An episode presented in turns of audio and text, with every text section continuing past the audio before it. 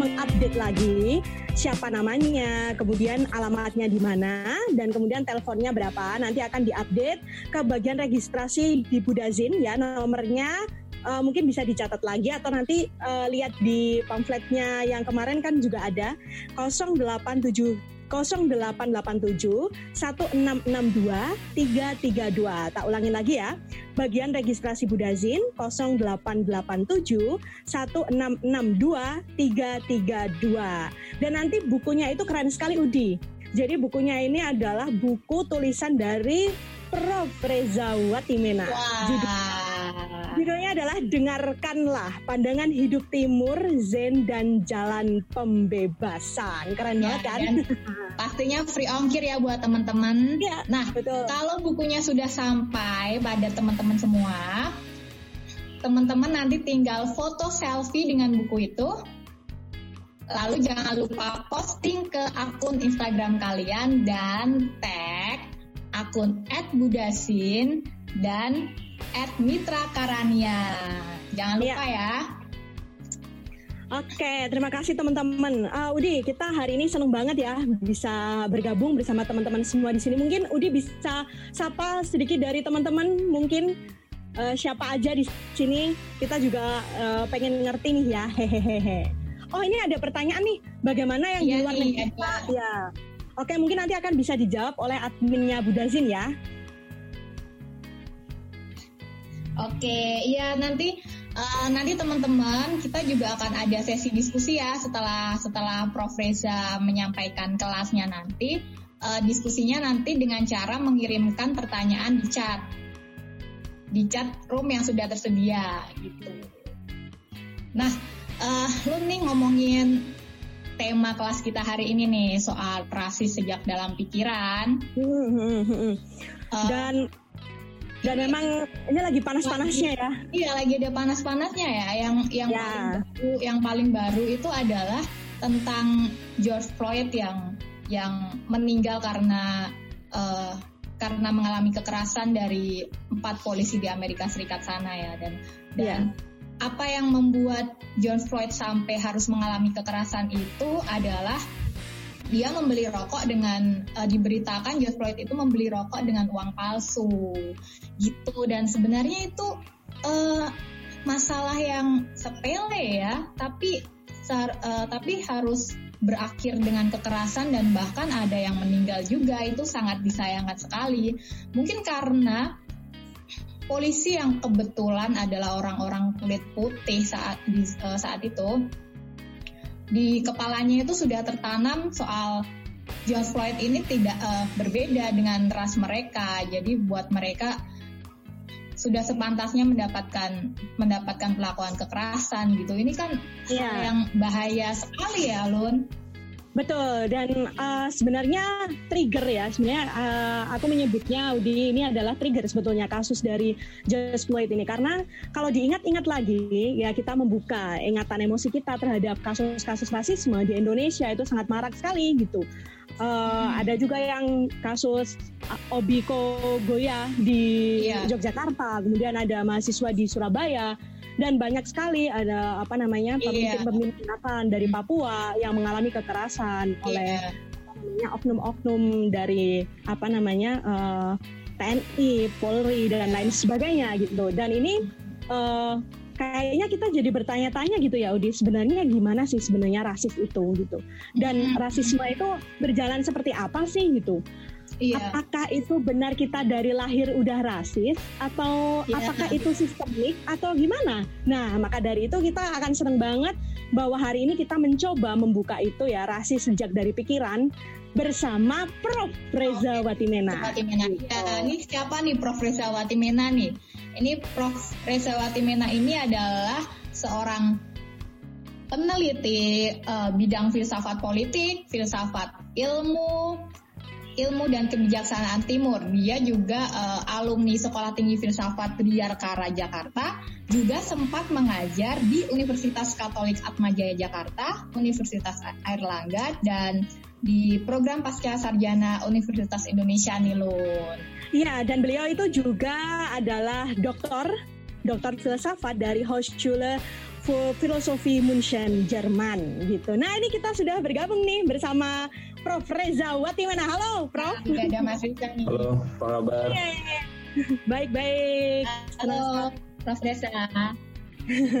Ya nih, jadi hari ini kita akan mendengarkan kelasnya Prof. Reza soal bagaimana sejarah rasisme itu bisa muncul dan tetap bertahan sampai sekarang gitu dan bagaimana cara kita kita ini untuk menghadapi rasisme yang ada di sekeliling kita. Oke, untuk Prof. Reza Watimena, waktu dan tempat kami persilakan.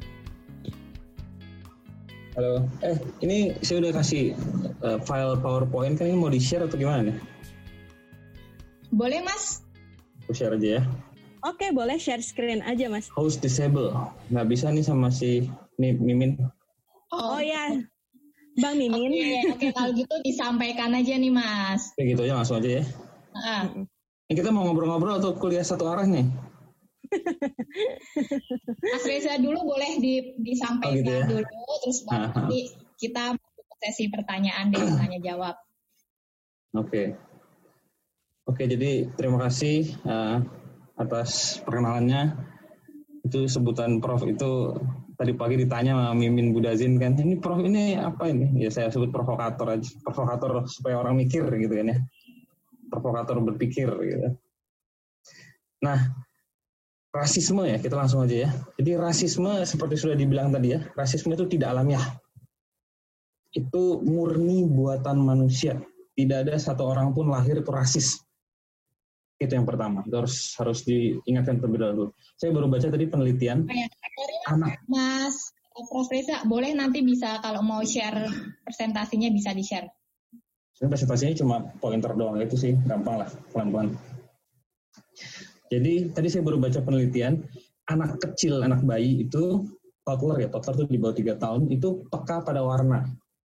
Tapi mereka tidak rasis, mereka cuma peka pada warna jadi uh, kalau melihat anak kecil yang bajunya sama, mereka temenan gitu. Jadi itu itu manusiawi ya. Jadi orang mencari yang mirip sama dia. Warna sama, warna kulitnya sama, tapi ya itu tidak ada rasisme, tidak ada diskriminasi. Karena kalau ada rasis itu sudah menjadi diskriminatif, sudah menjadi agresi ya, ada kekerasan. Jadi sekali lagi rasisme tidak alami, itu murni buatan manusia. Itu yang poin pertama. Pertanyaan lalu kan, siapa yang buat? Kenapa rasisme itu dibuat? Uh, kalau baca sejarah ya, rasisme itu sebenarnya dimulai oleh Eropa ketika Eropa ingin menjajah seluruh dunia ya, termasuk Indonesia ya. Jadi Eropa itu kan ya Belanda, Inggris, Prancis, Portugis, Spanyol itu ingin mencari sumber daya alam dan ingin menjajah ya. Dan untuk menjajah itu mereka perlu semacam pemahaman ya bahwa mereka itu adalah bangsa yang lebih tinggi rasnya ras kulit putih, bermata biru, berambut coklat dan pirang itu harus dianggap lebih tinggi sehingga mereka punya hak untuk mencuri, menjajah dan merampok seluruh dunia. Dan punya hak juga untuk memperbudak. Dan itu terjadi selama 500-600 tahun ya. Dari tahun 1400-an sampai uh, abad 20 kemarin. Jadi yang menciptakan rasisme yaitu membedakan orang berdasarkan warna kulit untuk jadi pembenaran buat yang satu warna kulit menjajah yang lain itu adalah temuan Eropa. Loh, jadi misalnya saya orang Spanyol, orang Spanyol, saya ingin menjajah Indonesia. Terus orang Indonesia nanya, lu atas dasar apa lu menjajah kami gitu ya? Emang lu lebih hebat? Emang kalian lebih pintar dari kami? Nah orang Spanyol lalu bilang, iya ini ada bukti-buktinya. Bukti-bukti ilmiah dengan menggunakan uh, apa pseudoscience ya, jadi ilmu pengetahuan palsu untuk membenarkan bahwa orang-orang kulit putih itu punya hak untuk menguasai dunia ya, untuk mencuri, menjajah, merampok sumber daya alam dan perbudakan sumber daya manusia dari seluruh dunia. Dan itu sejarah yang sangat-sangat berdarah sebenarnya. Ilmu-ilmu seperti antropologi itu digunakan untuk mengatakan bahwa budaya Eropa lebih tinggi daripada budaya negara lain. Maka di sini rasismenya. Maka Eropa punya hak untuk menjajah dan mencuri ilmu biologi misalnya dipakai untuk mengatakan bahwa oh ras kulit putih itu lebih besar, rahangnya juga lebih besar, maka mereka lebih perkasa daripada ras lainnya. Dan itu semua hoax ya, itu semua palsu, itu semua ilmu pengetahuan palsu, kebohongan yang digunakan untuk memberi pembenaran sekali lagi, untuk memberi pembenaran bagi Eropa untuk menjajah seluruh dunia. Inilah awal mula dari rasisme. Menjajah, memperbudak, merampok, dan itu yang kita lihat di Amerika sekarang ini. Orang-orang kulit hitam itu kan bukan orang dari Amerika, mereka dari Afrika yang diangkat sebagai budak, dicolong ya, diculik ya dari tanahnya, di, dibawa ke Amerika sebagai budak. Lalu sekarang mereka punya keturunan gitu di sana. Itu jadi rasisme. Dan dalam perjalanan sekali lagi, rasisme ini punya banyak pembenaran. Satu dari ilmu pengetahuan tadi, juga dari agama. Juga dari agama. Jadi agama Eropa kan mayoritas Kristen Katolik ya. Itu mereka bilang bahwa ini adalah agama nomor satu dan mereka punya hak untuk menyebarkannya ke seluruh dunia. Maka kayak kita lihat Amerika Latin, Amerika Selatan, Amerika Utara itu peradaban-peradaban Inka, Maya, Aztec dihancurkan, dibaptis semua dijadiin Kristen seperti sekarang ini atas nama tadi bahwa agama ras Eropa lebih tinggi, lebih murni daripada bangsa-bangsa lainnya. Jadi ada semacam narsisme ya, perasaan superior yang palsu ya. Yang sebenarnya niatnya sebenarnya jahat, niatnya adalah untuk merampok, untuk menjajah. Dan itu sekali lagi terjadi selama 600 tahun, kurang lebih 600 tahun. Makanya konsep rasisme itu begitu tersebar di dunia sekarang ini karena penjajahan oleh Eropa ke seluruh dunia itu terjadi di seluruh dunia ya. Ada pepatah ya. Uh, uh, matahari tidak pernah terbenam di kerajaan Inggris ya karena Inggris menguasai lima waktu ya, eh, menguasai seluruh bagian benua dunia gitu. Ya. Jadi rasisme yang tersebar selama ratusan tahun itu sudah tertanam begitu dalam di dalam banyak budaya menjadi kebiasaan hidup orang sehari-hari dan tidak lagi disadari. Itu terjadi juga di Indonesia misalnya. Kita melihat perbedaan warna kulit itu kan wajar ya. Orang beda-beda warna kulit itu kan banyak faktor ya, faktor genetik, faktor lingkungan, gitu. mungkin waktu kecil sering main layangan begitu ya. Nah, perbedaan warna kulit itu wajar. Tapi ketika perbedaan warna kulit dijadikan dasar untuk diskriminasi, ah kulit kamu uh, maaf dengan segala hormat, oh kamu kulit putih, Cino gitu, oh kamu hitam, dasar ireng gitu. Ya. Itu dijadikan dasar untuk mencela, untuk mendiskriminasi, meminggirkan, apalagi untuk melakukan kekerasan. Di situ rasisme menjadi masalah besar ya sekarang ini. Apalagi kalau misalnya rasisme itu kemudian mendapat pendasaran dari agama gitu ya, dari tradisi, dari agama, dari sains ya. Jadi itu, jadi itu sejarahnya ya. Jadi eh, sebelum kolonialisme Eropa, penjajahan Eropa sudah ada perbudakan, tapi perbudakannya bukan dasar atas bukan didasarkan pada rasisme. Jadi misalnya ada perbudakan di zaman Persia dulu ya, zaman Persia, zaman Majapahit, Majapahit kan juga kolonial ya, kekuatan besar ya.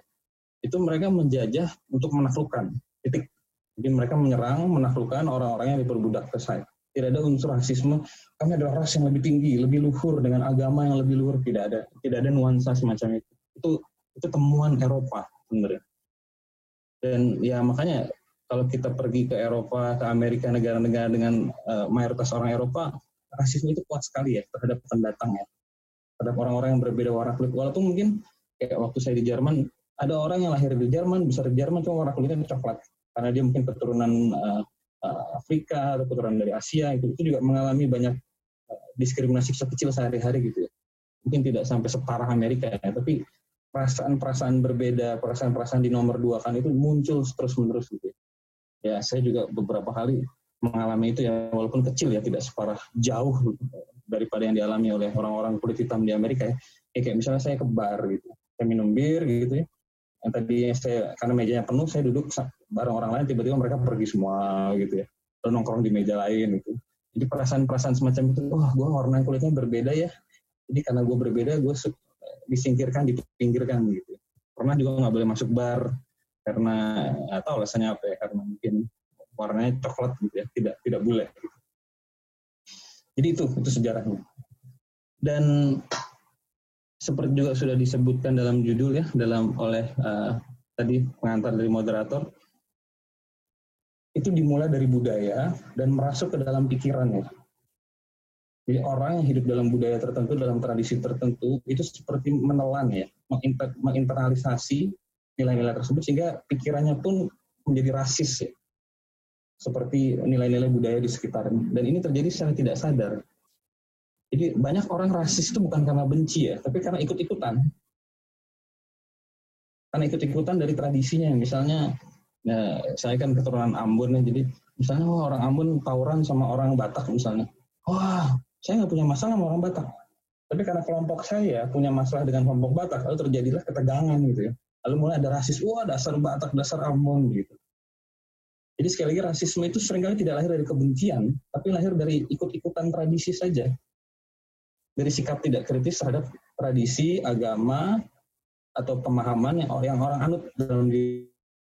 Jadi ingat waktu SMA dulu, uh, eh, SMA saya itu berantem sama tema dekat sekolah. Atau kenapa kita berantem. Nggak ada masalah. Ada konflik. Maka tradisi. Kan kebenaran yang sudah dibangun dulu. Kita tapi karena tradisi kan untuk rasis akhirnya pikiran mereka itu rasis paham ya jadi kita udah ngomong sejarah kita lihat bagaimana proses integrasi dari budaya dan habis itu habitus tadi ya kebiasaan ini mempengaruhi cara berpikir seseorang dan uh, poin poin lain lagi juga perlu ditekankan adalah rasisme itu saya tidak disadari ya. Itu otomatis. Uh, misalnya uh, apa ya? Misalnya saya jalan ke Kelapa Gading dekat rumah saya, saya jalan di sana banyak orang dari Nigeria gitu. Ya. Eh, orang kulit hitam pakai tato, bawa bir, pasti mau berantem. Itu terjadi sep, gitu, sepersekian detik di kepala saya gitu. Ya. Karena mungkin sudah ada cetakan-cetakan di sini ya, jadi pengaruh media, pengaruh tradisi masyarakat saya bahwa orang kulit hitam bawa bir malam-malam pakai tato itu identik dengan tukang rusuh gitu. Terjadi begitu cepat membentuk kerangka berpikir saya melihat gitu. Nah, jadi terjadi sering kali tidak disadari, terjadi karena ikut-ikutan. Ikut-ikutan dari tradisi rasisme yang dikembangkan oleh Eropa selama ratusan tahun ya kepada seluruh dunia ya. Itu menarik tuh kalau baca penelitian-penelitiannya tuh. Jadi dulu tuh ada orang yang uh, sampai mengukur bahwa wah orang kulit putih itu istilahnya kalau kulitnya putih itu berarti identik dengan malaikat gitu. Sementara orang kulit hitam identik dengan lebih sampai segitunya gitu ya. Di setan-setan yang padahal itu semua hoax ya. Nggak ada dasar untuk semua itu. Nah, berikutnya kita juga ngomong ada ada konsep epistemologi yang menarik ya yang bisa dipakai untuk memahami rasisme ya. Jadi saya pakai kerangka berpikir dari dosen saya namanya Pak Franky Budi Hardiman. Jadi begini, dalam hubungan antar manusia kita punya tiga kategori atau hubungan dengan orang lain ya kita punya tiga kategori kategori pertama adalah orang-orang yang sama identitasnya sama kita warna kulitnya sama agamanya sama rasnya sama sukunya sama biasanya mereka keluarga nah kategori pertama ini kita sebut sebagai yang sama ya orang-orang yang sama dengan kita kakak kita sepupu kita ponakan kita om kita teman uh, masjid, teman gereja, teman wihara, teman-teman yang satu ras, satu agama, jadi sama. Nah, kita nggak ada masalah dengan mereka. Nyaman. Itu adalah dunia kita. Jadi kita hidup, bertumbuh, berkembang di, orang-orang yang sama dengan kita. Punya latar belakang sama, cara berpikirnya sama sama kita. SD-nya bareng, SMP-nya bareng, kuliahnya bareng, kerjanya mungkin di tempat yang sama, macam-macam. Jadi kita nyaman ya. Nah yang kedua, yang kedua adalah kategori yang disebut yang agak lain. Yang agak lain. Yang agak lain itu misalnya gini, sama-sama manusia, sama-sama warga negara Indonesia, agamanya beda. Sama-sama manusia, sama-sama warga negara Indonesia, agamanya sama, warna kulitnya beda. Jadi dia sama-sama kita, cuma ada perbedaan. Perbedaan-perbedaan kecil yang kelihatan langsung. Oh dia berdoa ke sana, oh dia warna kulitnya lain oh matanya nggak belok matanya nggak sipit sekali lagi sama-sama manusia sama-sama warga negara tapi mungkin berbeda warna kulit berbeda etnis berbeda ras berbeda suku berbeda agama berbeda golongan. Nah kategori ini yang rapuh ya. Lalu ada kategori ketiga yang disebut sesuatu eh, mereka yang sungguh berbeda ya. Mereka yang sangat berbeda. Mereka yang sangat berbeda tuh kayak misalnya uh, saya melihat artis gitu ya, wah Tom Cruise atau siapa Brad Pitt itu kan ya sama-sama manusia, cuma mereka jauh di sana gitu. Itu kayak saya lihat Pak Jokowi, Pak Jokowi ya orang Indonesia tapi dia jauh di sana dan dia presiden. Jadi eh, di luar kategori dan saya nggak ada masalah dengan itu ya, gitu. karena terlalu jauh, gitu. terlalu berbeda gitu. Atau misalnya saya dengan kalau misalnya ada makhluk planet lain gitu ya dari planet lain datang gitu, nah itu juga ya ya nggak ada masalah lah. Mereka terlalu jauh. Gitu. Nah dari tiga kategori tadi, kategori kedua ini yang paling banyak terjadi rasis. Kenapa? Karena ini tadi mereka berbeda, tapi juga sama. Mereka juga sama, tapi juga berbeda sama kita. Gitu. Kayak tadi saya bilang, oh sama-sama manusia, sama-sama orang Indonesia, tapi berbeda ras, berbeda etnis, berbeda warna kulit. Nah, kategori yang agak lain, agak sama ini yang rapuh. Dan ini sering kali dimainkan begini, ketika krisis melanda ya, ada krisis politik, krisis ekonomi, krisis sekarang lagi krisis pandemik ya di seluruh dunia gitu. Ketika krisis melanda, perbedaan-perbedaan ini sering kali dimainkan untuk memecah belah, untuk memancing konflik. Gitu. Jadi rasisme itu pada hidup sehari-hari mungkin dia hanya menjadi laten ya, hanya menjadi oh oh di pikiran doang. Tapi ketika krisis melanda, krisis ekonomi, ada perang, ada pandemi, ada krisis politik, rasisme itu meledak, boom, lalu menjadi konflik. Dan ini saya pikir yang terjadi di Amerika sekarang ini. Amerika sedang krisis dalam banyak segi ya, krisis politik dengan presiden yang uh, sangat tidak jelas semacam itu, krisis pandemik, sekarang ada krisis ekonomi, belum perang dengan Cina, dan belum dengan masalah rasisme gitu ya. Dan ketika krisis itu melanda, rasisme pecah, jadi konflik, konflik berdarah. Dan itu sekali lagi bisa terjadi di mana pun, tidak hanya di Amerika. Indonesia sudah berkali-kali mengalami itu ya. Yang paling nyata di ingatan saya tahun 98, krisis politik, Soeharto turun, krisis ekonomi, lagi reses, eh, lagi apa, eh, krisis moneter waktu itu, lalu terjadi kerusuhan di kota-kota besar di Indonesia gitu ya Jakarta yang paling parah. Yang dengan berbagai macam analisisnya ada ada provokatornya gitu ya. Tapi terjadi konflik besar dan berbau rasis ya. Orang-orang etnis minoritas Cina di daerah Glodok di dekat rumah saya juga itu jadi korban ya. Eh, toko-toko dibakar orang-orang dibakar diculik dan banyak sekali yang meninggal ya. Dan sampai sekarang entah kenapa tidak juga diteliti lebih dalam gitu ya. Atau atau diambil tindakan-tindakan hukum yang jelas gitu ya. Jadi ini kategori yang agak berbeda ini yang sering kali dimainkan nih. Dimainkan oleh politik oleh uh, yang sering kali meledak dalam keadaan krisis. Nah, jadi itu rasisme ya.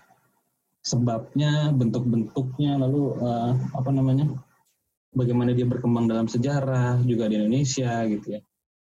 Jadi lahir dari Eropa untuk perbudakan dan penjajahan menjadi budaya di banyak negara lalu karena jadi budaya lalu kemudian membentuk cara berpikir banyak orang dan ketika krisis melanda itu dimainkan rasis itu kategori-kategori rasis itu dimainkan terus-menerus dan jadi kencang gitu ya. Soalnya dalam hidup sehari-hari mungkin hanya uh, apa ya laten ya, hanya kemungkinan-kemungkinan saja begitu. Oke, ini ini masih ada orang sih, kayak gue kayak ngomong sendiri. Oke, jadi uh, dan sekali lagi, tadi poin itu juga pentingnya bahwa kita itu sering kali rasis tapi kita tidak sadar. Karena kita begitu nyaman, kita begitu terintegrasi, begitu tertanam di dalam budaya di mana kita hidup ya. Sama keluarga kita, sama teman-teman kita gitu. Jadi uh, itu sering kita tidak menyadari. Lalu pertanyaan berikutnya kan, uh, bagaimana cara untuk melampaui rasisme ya? Tadi malam tuh saya nongkrong sama teman saya, kita diskusi soal rasisme ya. Dia bilang rasisme harus dihancurkan oh, menghancurkan rasisme itu sering kali jadi uh, apa pun yang agresif itu pasti muncul masalah baru gitu ya. Jadi menghancurkan teroris, menghancurkan narkoba, itu narkobanya makin banyak itu. Menghancurkan teroris, terorisnya makin banyak. Jangan-jangan nanti menghancurkan rasisme atau jadi rasis juga gitu. Ya. Tapi lebih baik mungkin memahami rasisme dan bergerak untuk melampauinya ya. Bagaimana melampaui rasisme. Oke. Uh, saya melihat ada dua pendekatan. Yang pertama pendekatan pribadi ya. Jadi dari dari kita sendiri dulu lah. Uh, kita ngomong di tingkat individual ya, di tingkat uh, pribadi. Kita mulai untuk sadar. Hidup sadar itu kan konsep yang sangat penting ya di dalam tradisi Asia ya. Tradisi Buddhis, tradisi Hindu, tradisi Sufi, tradisi mistik Kristen, hidup sadar itu konsep yang sangat penting. Jadi kita sadar akan gerakan-gerakan pikiran kita ya. Ketika ketika pikiran rasis muncul, kita sadar tak gitu. Kita memahami, menyadari, noticing gitu ya, mencatat gitu dan menyadari bahwa ya ini hasil produk dari masyarakat saya hidup gitu ya, dari budaya tempat saya hidup. Maka penting untuk tadi uh, belajar untuk hidup sadar ya, mindful living ya, supaya pikiran kita itu tidak otomatis jadi tindakan. Pikiran jadi tindakan, pikiran jadi tindakan. Ah, oh, gue gak suka malu tampol. Ah, oh, gue gak suka malu maki-maki. Biasa refleks-refleks yang lahir dari ketidaksadaran ya. Jadi kita memahami rasisme yang bergerak di dalam cara berpikir kita dan itu otomatis itu alami kita cuma perlu peka aja gitu kita lihat orang apa misalnya orang yang orang kulit hitam di dekat kita atau kita melihat orang etnis minoritas di dekat kita juga kita langsung set gitu. Nah coba diperhatiin bagaimana gerak pikiran tersebut. Satu dan kedua disadari bahwa gerak pikiran itu adalah bentukan dari masyarakat kita. Itu tidak alami. Dan sering kali itu tidak real, itu tidak nyata. Itu ilusi ya. Ilusi-ilusi yang dibuat oleh uh, kebiasaan tadi. Kalau dalam bahasa uh, filsafat Asia kan disebut karma ya. Karma dalam pikiran. Jadi itu gerak-gerak pikiran kita saja. Itu yang pertama. Dan yang kedua setelah kita menyadari gerak pikiran rasis dalam kepala kita di dalam diri kita ya dalam batin kita itu kita mengambil saat jeda ya untuk stop untuk tidak mengikuti rasisme itu ya karena rasisme itu sekali lagi itu dorongannya sangat kuat karena tertanam dalam budaya, tertanam dalam habitus ya, dalam kebiasaan masyarakat. Kalau kita mau memotong, kita harus memotong dari pikiran kita pertama dengan kesadaran tadi. Jadi muncul rasisme, stop, pause, jangan diterusin, jangan diterusin. Walaupun mungkin emosi sering kali membludak gitu ya. Apa sih misalnya, ya, saya tuh kan eh, naik motor ke mana-mana, saya pecinta motor ya. Naik motor itu kalau lihat orang melanggar lampu merah, kebut-kebutan di jalan tuh saya ngomong, oh dasar orang Indonesia gitu ya. Padahal saya orang Indonesia gitu. Itu kan pikiran rasis ya. Orang Indonesia pada nggak patuh sama aturan gitu ya. Padahal kalau dilihat lebih jeli ya dari seribu pengendara motor paling ada sepuluh yang ada sepuluh yang bandel, yang lainnya mungkin biasa-biasa aja gitu ya. Jadi itu pikiran rasis dalam kepala saya. Dasar orang Indonesia. Itu rasis. Lalu saya sadar, oh ini, ya, mungkin ada satu dua yang uh, brengsek aja lah. Mungkin uh, saya sih pikirannya coba ya mungkin mau kencing gitu ya. mungkin mau kue saya banyak ngebut. Itu yang kedua. Jadi itu di tingkat pribadi dan ini sangat penting. Ini sangat-sangat penting ya. Karena percuma segala bentuk pelatihan, segala program-program anti rasisme di masyarakat kalau tidak ada kesadaran dalam diri ya untuk mengenali gerak pikiran. Kalau tidak ada kesadaran tersebut percuma. Mau bikin seribu pelatihan, mau bikin sejuta seminar kayak begini ya, nol, nggak ada gunanya. Gitu.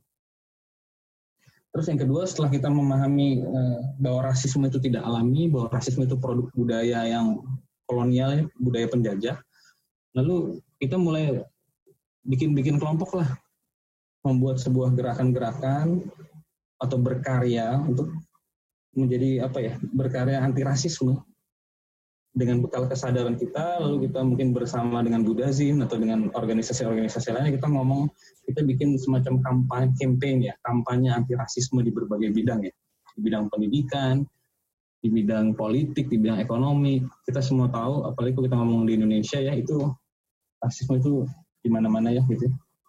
Bagaimana etnis tertentu hanya bisa berbisnis, susah untuk jadi pegawai negeri, etnis tertentu mau jadi pegawai negeri doang, nggak mau berbisnis macam-macam. Jadi sudah ada plot-plot gitu ya. Uh, bahkan uh, saya punya teman di Bandung gitu, dia karirnya di kampus tertahan karena rasnya dari minoritas gitu ya. Hanya karena itu ya, bukan karena kinerja ya. Jadi sekali lagi, yang pertama kita harus sadar pada rasisme di dalam diri kita. Kita bisa mengambil jeda. Yang kedua adalah kita terlibat. Kita berkarya untuk melawan segala bentuk rasisme di berbagai bidang ya. Mungkin ada di bidang seni, kalau saya mungkin di bidang pendidikan, karena saya fokus di bidang pendidikan, dan macam-macam. Dan yang uh, cara untuk melampaui rasisme lainnya adalah sebisa mungkin kita menjadi pemegang keputusan ya, decision maker ya, menjadi pemimpin yang inklusif ya, yang terbuka ya, Jadi kita mungkin bisa meniti karir sebagai uh, politikus yang menjadi anggota DPR, menjadi menteri. Jadi orang-orang yang punya apa ya otoritas untuk membuat pengaruh besar di masyarakat. Lalu di dalam kekuatan dalam power itu kita bisa menyebarkan paham anti rasisme ya. Jadi pemimpin yang terbuka, jadi menjadi contoh ya, menjadi figur teladan. Beginilah pemimpin gitu ya. Dan ini sangat sangat disarankan sih. Jadi orang-orang yang tercerahkan tuh masuk ke dalam politik, masuk ke dalam bisnis gitu ya. Masuk ke dalam pendidikan, masuk ke dalam ekonomi gitu. Supaya pemegang-pemegang keputusan atau orang-orang yang punya uh, kekuasaan di dalam masyarakat itu tuh orang-orang yang tercerahkan, orang-orang yang anti rasisme ya. Inklusif uh, dalam bahasa yang lebih spiritual, orang-orang yang sadar ya. Orang-orang yang sudah bangun gitu. Kalau dalam bahasa Sanskrit Buddha itu kan Buddha. Buddha itu orang yang sudah bangun gitu. Jadi itu. Jadi uh, kita ngomong di tiga level ya. Kita ngomong level pribadi, menyadari gerak pikiran yang rasis karena sekali lagi rasisme ini itu muncul di dalam diri kita itu karena uh, pengkondisian sosial ya, pola asuh, pola pendidikan masyarakat kita yang memang ratusan tahun dijajah oleh Belanda, Spanyol, Inggris, Portugis, dan Jepang dan sekarang mungkin oleh Amerika dan Cina begitu. Jadi cara berbudaya kita emang sudah berbau rasis dari lama ya. Nah itu hanya bisa diputus kalau kita sadar ya, sadar dengan pikiran kita sendiri dan tidak ngikutin, kita ngasih jeda dan nggak ikutin. Terus yang kedua tadi juga uh, ya bekerja samalah, gabung dengan kelompok-kelompok yang ikut kegiatan-kegiatan yang anti rasis ya. Jadi terlibat gitu loh di kegiatan mahasiswa, di kelompok-kelompok eh, LSM, atau di kelompok-kelompok keagamaan untuk menyuarakan uh, suara-suara keterbukaan ya, suara-suara pencerahan dan yang ketiga tadi sudah di sini juga ya itu berani untuk menjadi pemimpin ya. Berani untuk menjadi pemimpin yang sadar, yang tercerahkan, yang bisa mempengaruhi keadaan ke arah yang lebih baik dengan segala risikonya. Nah, jadi pemimpin itu kan sulit ya. Saya baru ngasih materi minggu, dua minggu lalu nggak masalah. Uh, memimpin itu menderita ya, kalau bahasa Jerman sih Leiter is Leiden. Memimpin itu menderita. Memimpin itu penderitaan. Apalagi memimpin yang baik ya, memimpin dengan penuh kesadaran, dengan penuh keterbukaan itu tantangannya banyak sekali ya. Uh, godaan juga banyak sekali ya untuk menjadi uh, rakus, untuk menjadi korup. Gitu. Oke, kira-kira itu dari saya pengantarnya mungkin bisa ditajamkan dalam diskusi lebih jauh dengan teman-teman sekalian ya. Ini suara cukup. Terima kasih, Prof. Reza. Hmm. Oke, okay, ya, Mas, tadi suaranya jelas banget kok.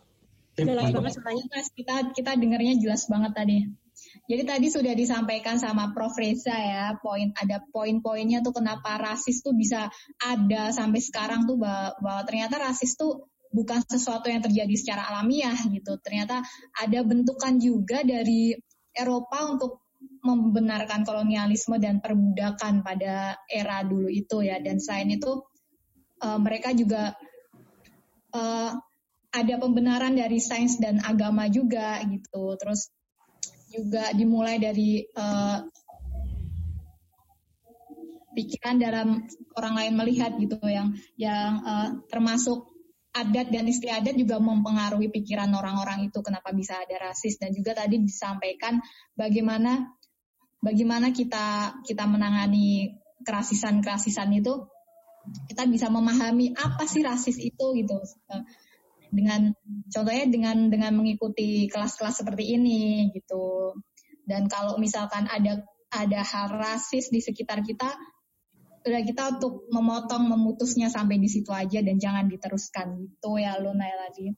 Ya, ya, oke, okay, benar. Dan ini tadi uh, sempat ada pertanyaan Udi yang mungkin akan menyambung dengan sedikit tanggapan dari saya nih, Prof. Reza.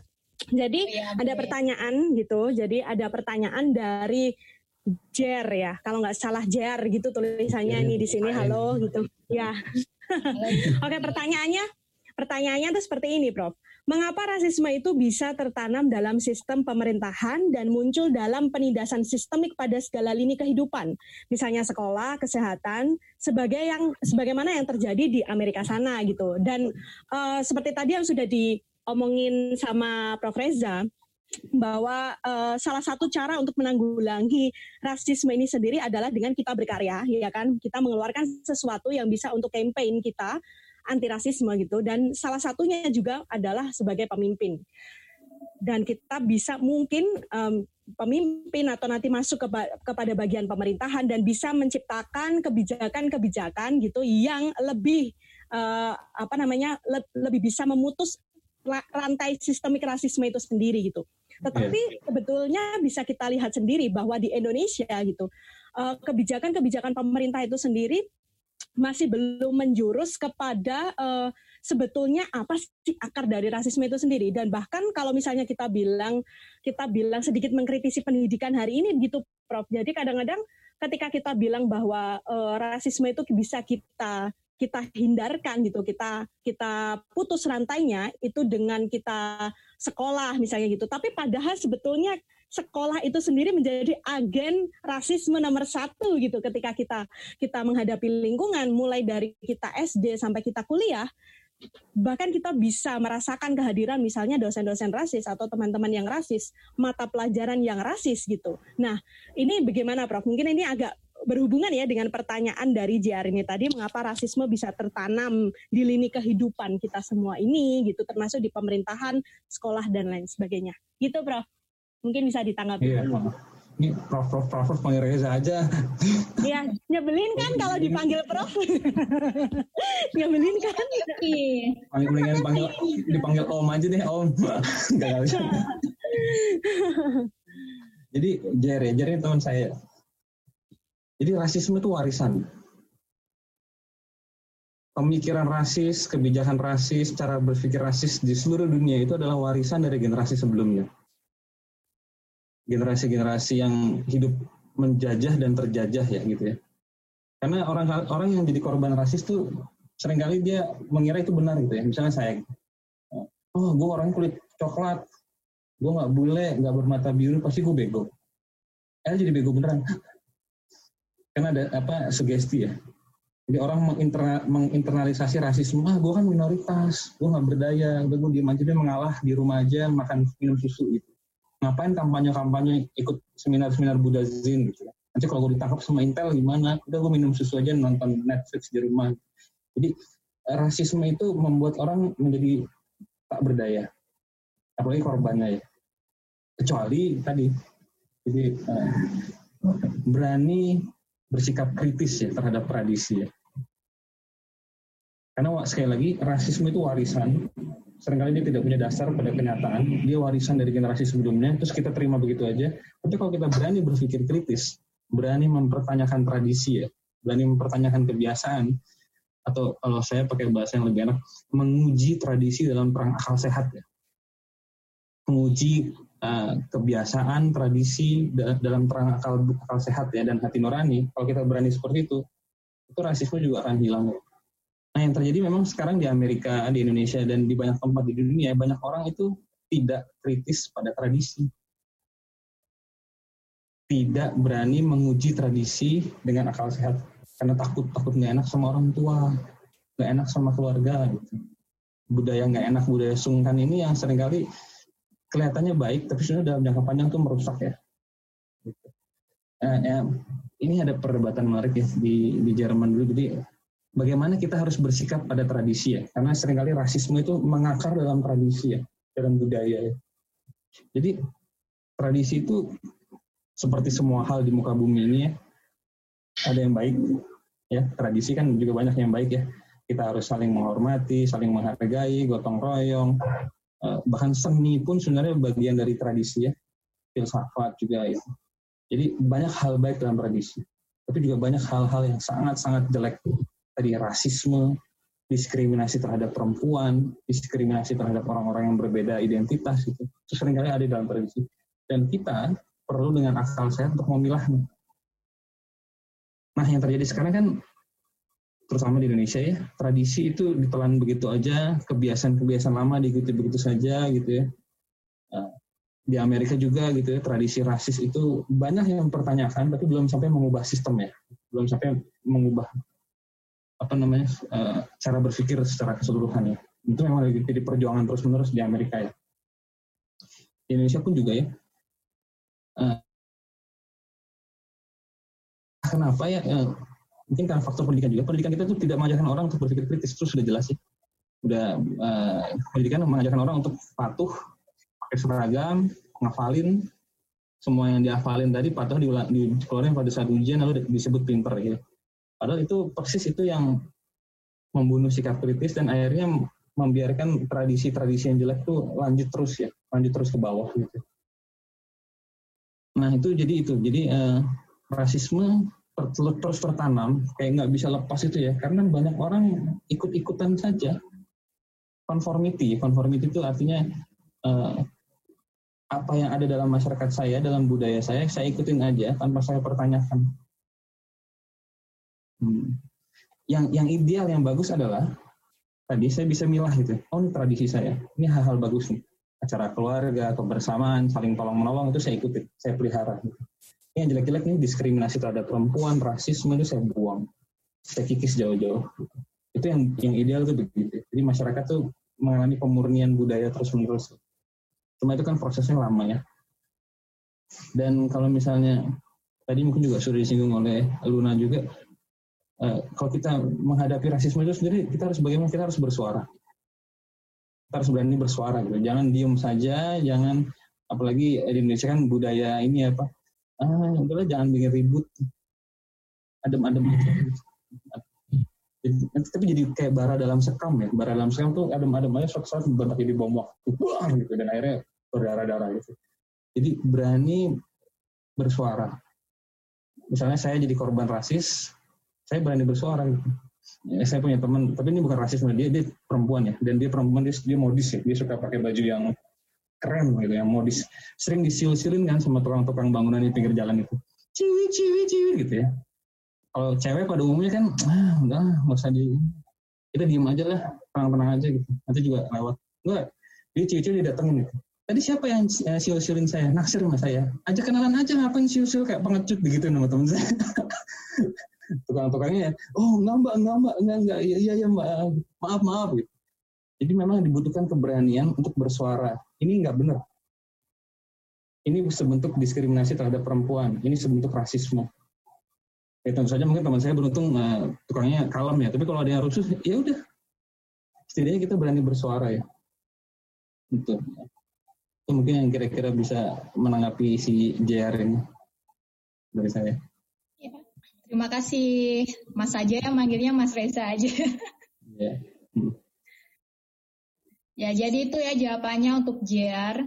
Uh, eh, ini Mas, uh, aku juga punya pertanyaan nih Mas. Jadi hmm.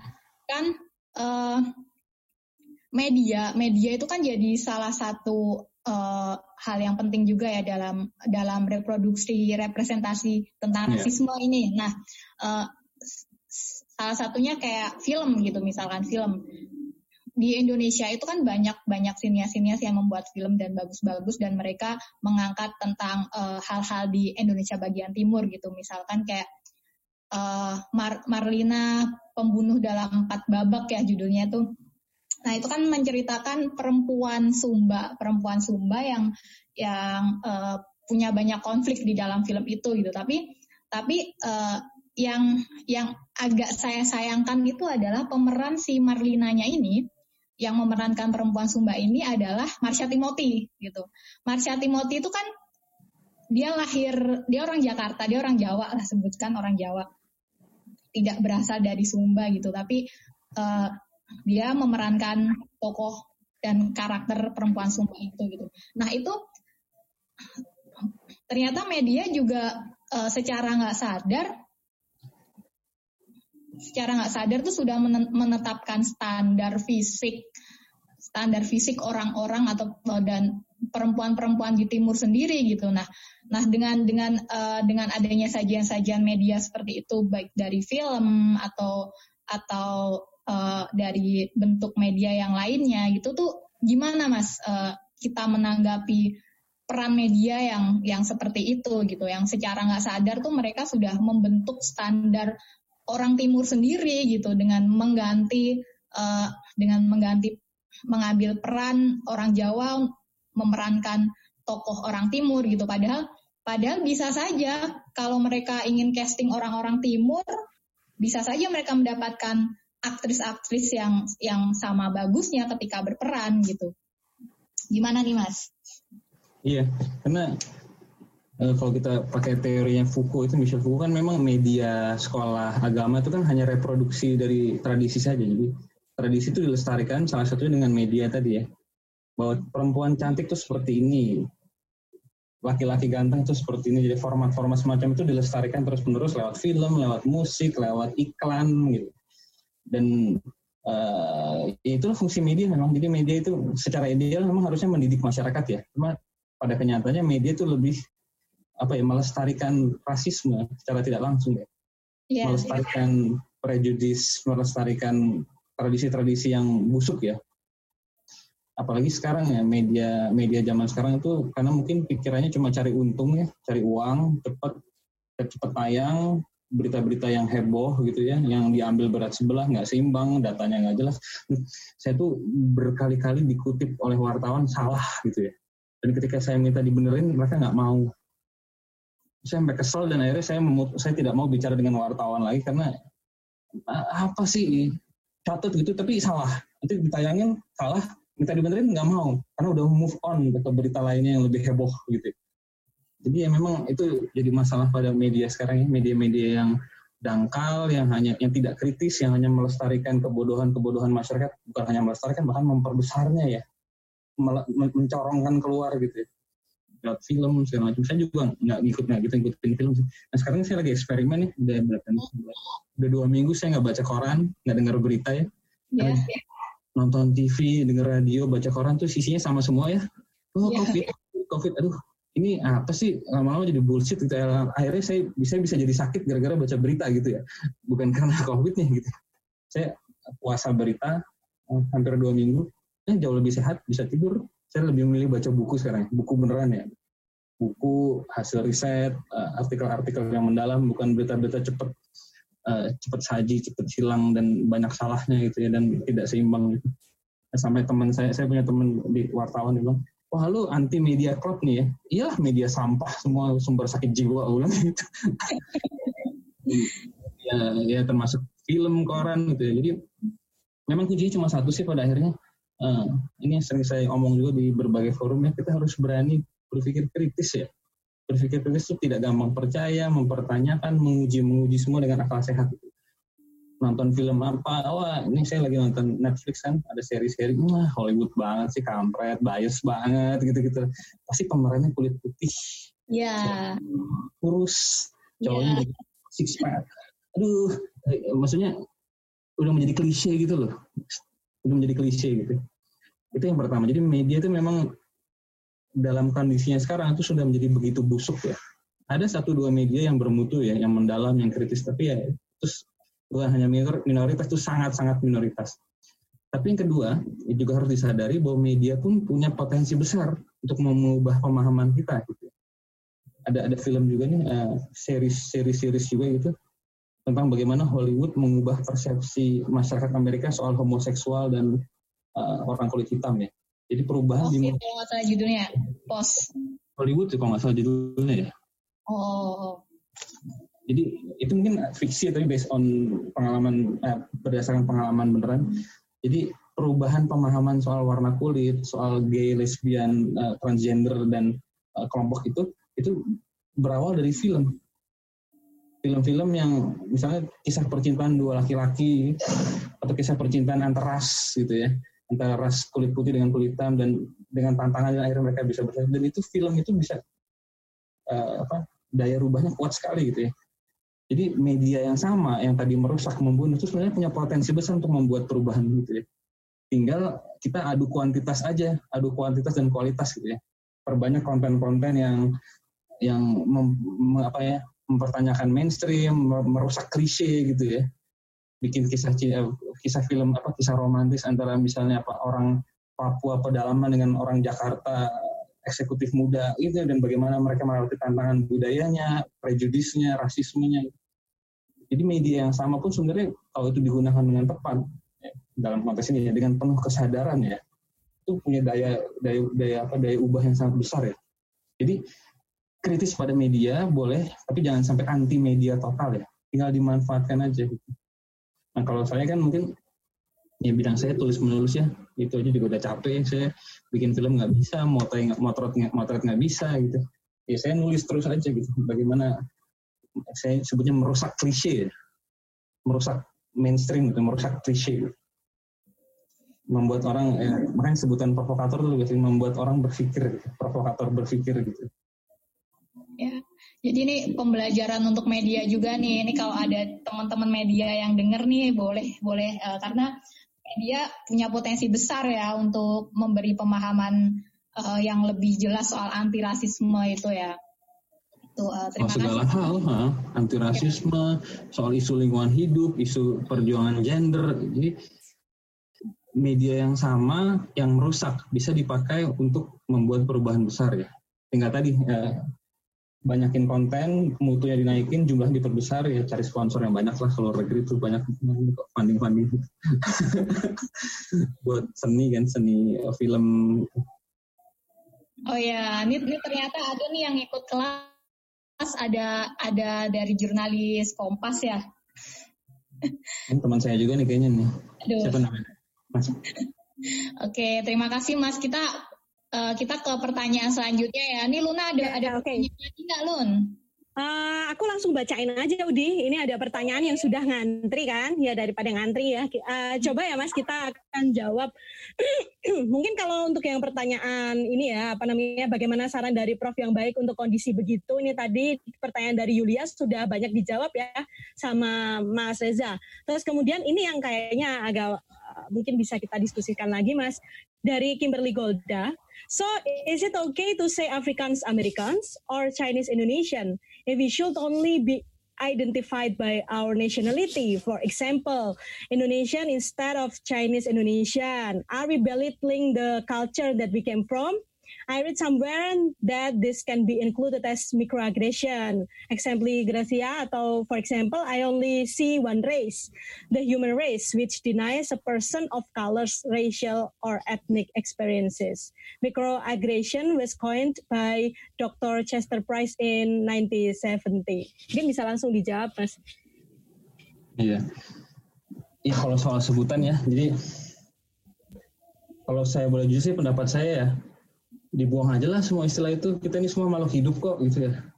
Bahkan konsep yeah, manusia yeah. juga dilepas gitu ya karena manusia tuh sering kali oh saya manusia lebih tinggi dari hewan dan tumbuhan gitu. nah manusia pun juga dibuang lah. Kita ini sama-sama makhluk hidup di alam semesta ini kalau saya pribadi gitu ya. Nggak usah ngomong Chinese sama Indonesia, Chinese Amerika itu kan semua label-label yang sangat sementara dan palsu ya. Eh, buat saya pribadi ya tapi kan sering kali untuk keperluan praktis untuk apa ya uh, mengenali sejarah keluarga, mengenali uh, apa, tradisi keluarga itu kan sering kali perlu identifikasi semacam itu. Jadi mungkin dua dua hal yang pertama adalah istilah-istilah ini ya yang menunjuk uh, African Indonesia uh, African Indonesian ada nggak ya? African Chinese Indonesian atau um, istilah-istilah semacam itu yang ada apa uh, tengah-tengahnya itu apa garis tengahnya itu harus disadari dengan itu harus dibuat dengan penuh kesadaran ya bahwa itu bukan kenyataan itu cuma alat bantu. Itu hanya alat bantu itu tidak menunjukkan realitas yang sebenarnya gitu. Jadi misalnya saya saya ini saya ini kan nggak jelas ya ibu saya itu Cina ada Padangnya juga ada Jawa juga bapak saya Ambon Portugis ada Belandanya juga ada Bataknya juga. Jadi apa ini kalau Reza Watimaya ini maksudnya namanya Watimaya tapi matanya sipit gitu ya terus putih badannya tinggi tapi ini rahangnya rahang timur gitu. Ini saya, saya nggak mau pusing ya. Saya makhluk hidup. Saya makhluk hidup tapi untuk keperluan administratif oke okay lah saya orang Ambon gitu ya. Untuk keperluan oke okay lah saya campuran ada Cinanya juga ada, ada juga gitu. Dan itu yang pertama. Jadi istilah-istilah ini digunakan seperlunya saja itu hanya sebagai alat jadi digunakan dengan penuh kesadaran ya bahwa ini semua alat ini bukan untuk apa menyingkirkan, untuk apa meminggirkan atau meng mengkerangkeng orang ke dalam identitas itu bukan ini hanya alat-alat. Tapi kita yang sebenarnya kita semua ini makhluk hidup kok. Makhluk hidup yang bernafas, yang ada, ada, ada denyut kehidupan di sini ya. Sama dengan hewan, sama dengan tumbuhan, sama dengan makhluk planet lain. yang pasti ada cuma belum ketemu aja atau mungkin sudah ada kita nggak tahu juga gitu nah kalau kita bisa sampai ke kesadaran semacam itu sebenarnya itu akan jauh lebih tenang ya. Kok masalah sebagian besar masalah akan selesai gitu ya.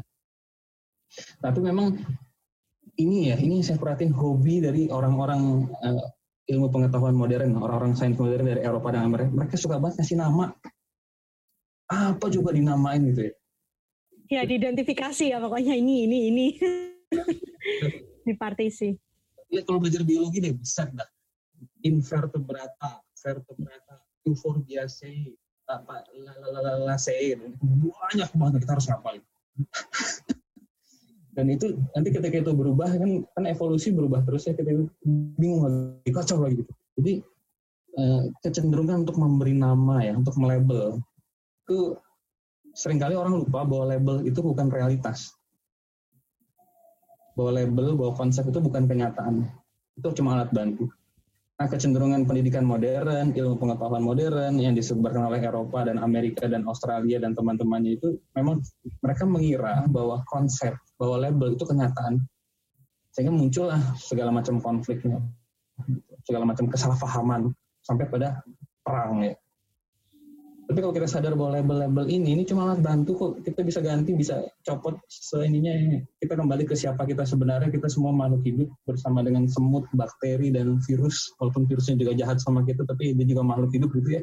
Hanya berusaha bertahan hidup dengan cara yang dia tahu yaitu nyangkut ke manusia gitu ya. Ya kita juga sama sama mereka. Kalau sampai ke situ ya sebenarnya nggak ada masalah ya. Soal rasisme ini akan hilang dengan sendirinya dan ini yang saya suka dari filsafat Asia ya, apa yang disebut Eastern wisdom ya, kebijaksanaan Asia termasuk Buddhism, uh, Vedanta, Yoga, Taoisme, Konfusianisme, dan uh, pemikiran-pemikiran di Asia Tenggara, dari Kejawen, dari Sunda Wiwitan, bahwa mereka sangat inklusif ya, sangat terbuka ya, bahwa identitas itu begitu fluid gitu. dibandingkan dengan pemikiran Eropa yang sangat rigid ya, dengan konsep yang label. Nah pemikiran semacam itu kebetulan saya baru ngobrol sama teman saya kemarin atau dia ada di sini apa enggak orang Amerika. Itu sebenarnya warisan dari Aristoteles. Aristoteles itu pemikir Yunani kuno yang suka bikin klasifikasi. Dikasih label ini namanya ini namanya ini. Jadi bapak klasifikasi dari ilmu pengetahuan itu ya Aristoteles. Dilihat oh ada yang sama ada yang berbeda lalu dibuat klasifikasi Nah, cara berpikir pembuat klasifikasi dengan label ini kemudian menurun ke filsafat Eropa, ke kebudayaan Eropa, lalu Eropa menguasai seluruh dunia maka tersebar ke seluruh dunia. Masuk ke dalam sistem pendidikan pendidikan-pendidikan yang tidak di, di, di apa dikritisi kembali dan akhirnya ya cuma ngapalin ngapalin doang tapi nggak ngerti gitu ya. Kayak saya saya nggak tahu apa pun soal biologi sekarang. Dulu apal banget tuh. Begitu habis ulangan lupa semua gitu ya jadi tuh jadi uh, ya istilah-istilah ini Chinese Indonesian African American apalagi Native American atau orang Indonesia Timur, orang Papua, orang Flores, orang Cina, orang Jawa itu kan semua label-label label-label doang gitu ya. Karena tidak ada yang pernah, tidak ada yang sungguh-sungguh Jawa, tidak ada yang sungguh-sungguh itu semua sudah mix dari darah dari mana gitu ya. Ya itu digunakan seperlunya aja lah. Itu juga bukan kenyataan. Itu kalau pendapat saya. Oke, okay, mantap ya ini jawabannya ya. Jadi kita uh, apa namanya menggunakan menggunakan istilah-istilah itu untuk kepentingan uh, kepentingan identitas pribadi ya sebenarnya ya. Jadi kita yang ngerti lah uh, kita itu dari mana gitu. Secara yeah. praktis kita gunakan misalnya untuk sekolah dan lain sebagainya kepentingan-kepentingan kita sebagai warga negara misalnya seperti itu ya Bang ya. Paspor, iya. daftar pemilu gitu-gitu kan perlu iya, nama. Iya. Betul, betul. Tapi kan bahwa bahwa uh, tugas kita di dunia sebagai manusia ini sesama manusia ya kita harus sama-sama memanusiakan manusia gitu ya, tanpa kita membedakan. Sama makhluk hidup kalau saya nyebutnya ya. Makhluk hidup. Karena kalau manusia itu sempit juga loh. Iya. Cuma kita doang kan, kan iya, ada, nanti, ada pohon, ada tumbuhan, iya. ada bakteri dan teman-teman ya yang juga bersama kita ya. Sama tumbuhan kita rasis nanti ya. iya, padahal kita nafas dari tainya tumbuhan. Iya, iya benar-benar. Okay. Dan ini uh, ada ya. pertanyaan lagi nih Mas nih. Ada pertanyaan lagi dari Eza Resta ya. Uh, bagaimana menurut Mas Reza antara rasisme dan kapitalisme? Contohnya adalah di mana produk kecantikan atau fashion membentuk standar bahwa terhadap warna kulit putih itu cantik atau ganteng. Banyak juga masyarakat terkonstruksi terhadap iklan-iklan produk dan bagaimana pendapat Mas Reza mengenai standar kecantikan atau penampilan. Iya nih Mas, ini sekarang kan uh, banyak nih teman-teman teman-teman saya yang dari timur tuh mereka jadi pengen lurusin rambut gitu-gitu. Nah yang pakai pemutih dan lain ya, sebagainya. pakai pemutih. Padahal padahal mereka tuh sudah sudah cantik begitu gitu. Ini ada hubungannya juga nih sama pertanyaannya Eza. Gimana nih Mas? Ya jelas ya itu semua hoax ya. Bahwa cantik itu kan didesain oleh media untuk kepentingan tertentu ya. Jual produk ya.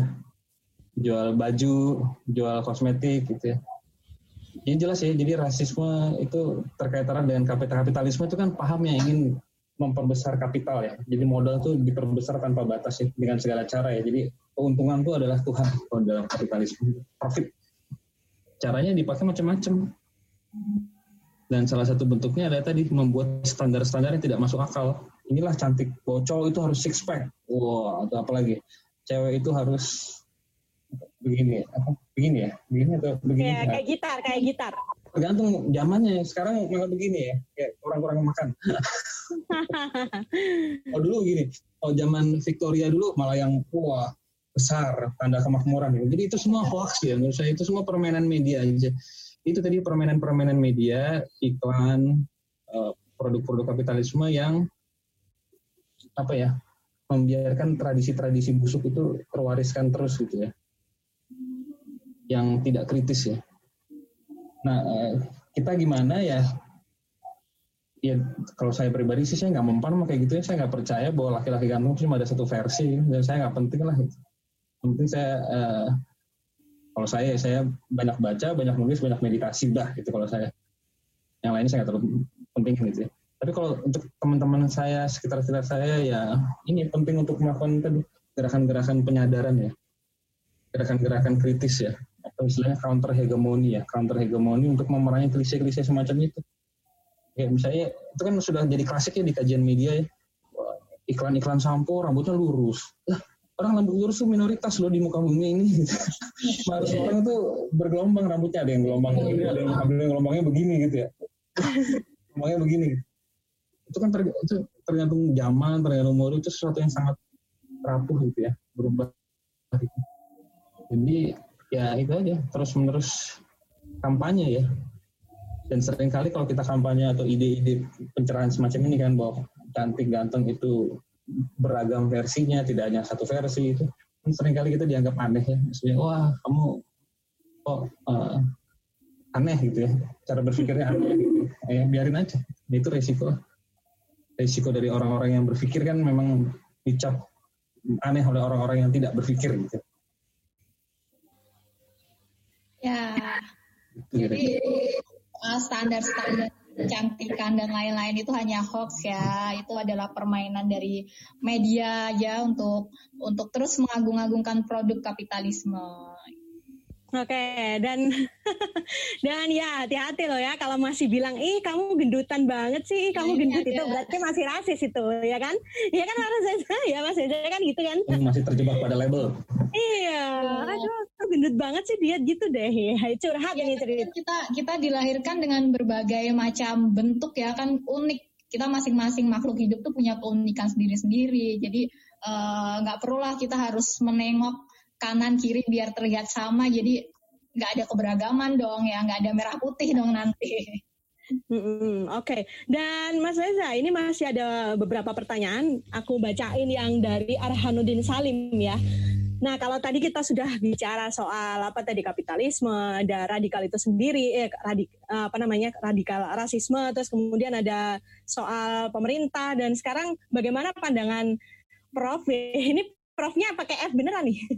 Soal tradisi agama yang kadangkala mereproduksi rasisme lalu melahirkan radikalisme dan terorisme.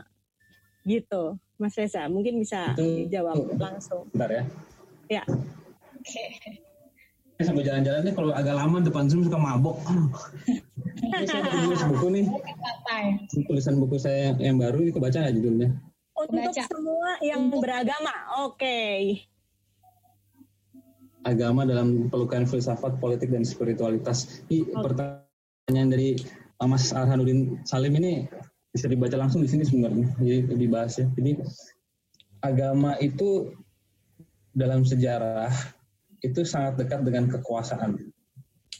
Dengan politik dengan orang-orang yang berkuasa ya. Secara ekonomi dan secara politik. Dan rasisme itu sering kali dipakai oleh agama untuk melestarikan kekuasaan dan nanti efek sampingnya adalah ada eh, itu tafsiran sempit terhadap agama yang melahirkan radikalisme dan radikalisme yang menjadi kekerasan melahirkan terorisme. Tapi semuanya sebenarnya intinya pada power. Jadi kalau kita lihat dalam sejarah lah, raja-raja, raja-raja Jawa, raja-raja dari Eropa, dari Amerika ada kerajaan. Di Asia itu kan memang banyak menggunakan agama sebagai justifikasi kan. Saya adalah yang terpilih, wah, dipilih oleh Tuhan, wah, gitu. Kalau di Eropa tuh dipilih oleh Paus, wah, jadi punya legitimasi sah itu untuk memerintah. Lalu akhirnya pemuka agamanya karena sudah memiliki legitimasi dikasih uang lah sama pemerintah. Itu, itu banyak terjadi dalam sejarah. Jadi agama memang cenderung tidak kritis karena dia dekat dengan kekuasaan. Di mana pun begitu ya. Kita lihat di Indonesia bagaimana Islam dekat dengan kekuasaan. Kita lihat di Filipina bagaimana Katolik dekat dengan kekuasaan. Negara-negara Asia Tenggara kita lihat bagaimana di Thailand tuh bagaimana Buddhisme agama Buddha begitu dekat dengan raja raja-raja Thailand ya. Ya memang sudah begitu dari dulu. Dan karena dekat dengan kekuasaan, makanya sering kali juga dipakai oleh kekuasaan untuk bikin macam-macam ya. Salah satunya adalah rasisme tadi. Untuk memecah belah masyarakat, untuk memanipulasi macam-macam. Bisa ada di buku ini, harganya sih enggak tanda. Bisa dibaca langsung kalau mau detail di sini. Dan itu memang kajian-kajian yang sangat menarik ya. Itu apa religious studies ya, kajian-kajian agama ya, yang melihat hubungan antara agama dengan kekuasaan, agama dengan politik, dan bagaimana agama itu harus kembali ke dasarnya yang semula yaitu spiritualitas ya, yang mengubah cara pandang orang hidup ya. Jadi bukan lagi instrumen politik, instrumen kekuasaan, tapi benar-benar kebijaksanaan sampai ke titik itu. Kira-kira gitu, mod, mods moderator. Oh iya, ini Udi, sebelum pertanyaan selanjutnya yang masih nyambung ya, ada pertanyaan nih, Bang. Bisa dapetin buku itu di mana? Dari media tanya tuh. Ini ada di ini kok. Oh iya, Mas. Di Kanisius nih penerbit Kanisius Jogja. Terus yang terbaru ya Mas ya bukunya? Iya, baru terbit lebaran, pas lebaran terbit. Ya, teman-teman nih yang mau beli buku ini bisa langsung ke ini ya menghubungi penerbitnya atau di toko-toko buku online ini kayaknya ada nih Mas ya? Ada di di rumah filsafat kayaknya ada deh rumah filsafat oh. di Tokopedia di Instagram. Soalnya kan toko buku pada tutup sekarang. Iya. Pesan-pesan aja. Iya, sekarang toko buku jadi online semua. Iya. Tapi di rumah. Oke, ini ada ada pertanyaan selanjutnya nih Mas. Ini sebenarnya pertanyaannya masih ada sambungannya dengan uh, soal tradisi agama ya. Ini dari Juventus Pangkus gini. Eh, bang, pola pikir manusia saat ini hampir semuanya dipengaruhi oleh pola pikir agama. Agama juga masih menanamkan rasisme dalam tradisi dan pengajarannya. Meskipun ada hal baik dari agama, apakah mungkin salah satu cara mewujudkan kesadaran akan diri adalah dengan tidak menjadi agama sebagai urusan publik, bahkan tidak perlu agama formal. Mungkin seperti yang pernah di dikatakan oleh Bertrand Russell bahwa agama yang paling baik adalah agama kebaikan dan cinta kasih. Itu nih Mas pertanyaannya. Iya. Itu semua ada di sini juga ya. Jadi tapi oke lah. Jadi ya tadi agama menanamkan rasisme jelas ya karena dia dekat dengan kekuasaan tadi. Terus sekularisme ya. Jadi agama adalah urusan pribadi seperti yang terjadi di Eropa sekarang ini ya. Jadi uh, agama ya urusan lo. Jadi tidak ada partai berbau agama walaupun di Jerman partai Kristen yang menang ya.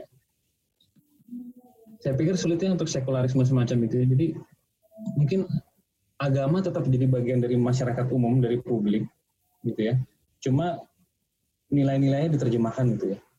Diterjemahkan menjadi nilai-nilai yang esensial. Misalnya kalau di dalam agama Buddha itu kan banyak istilah-istilah Sanskrit ya, Sanskrit bahasa Pali gitu ya.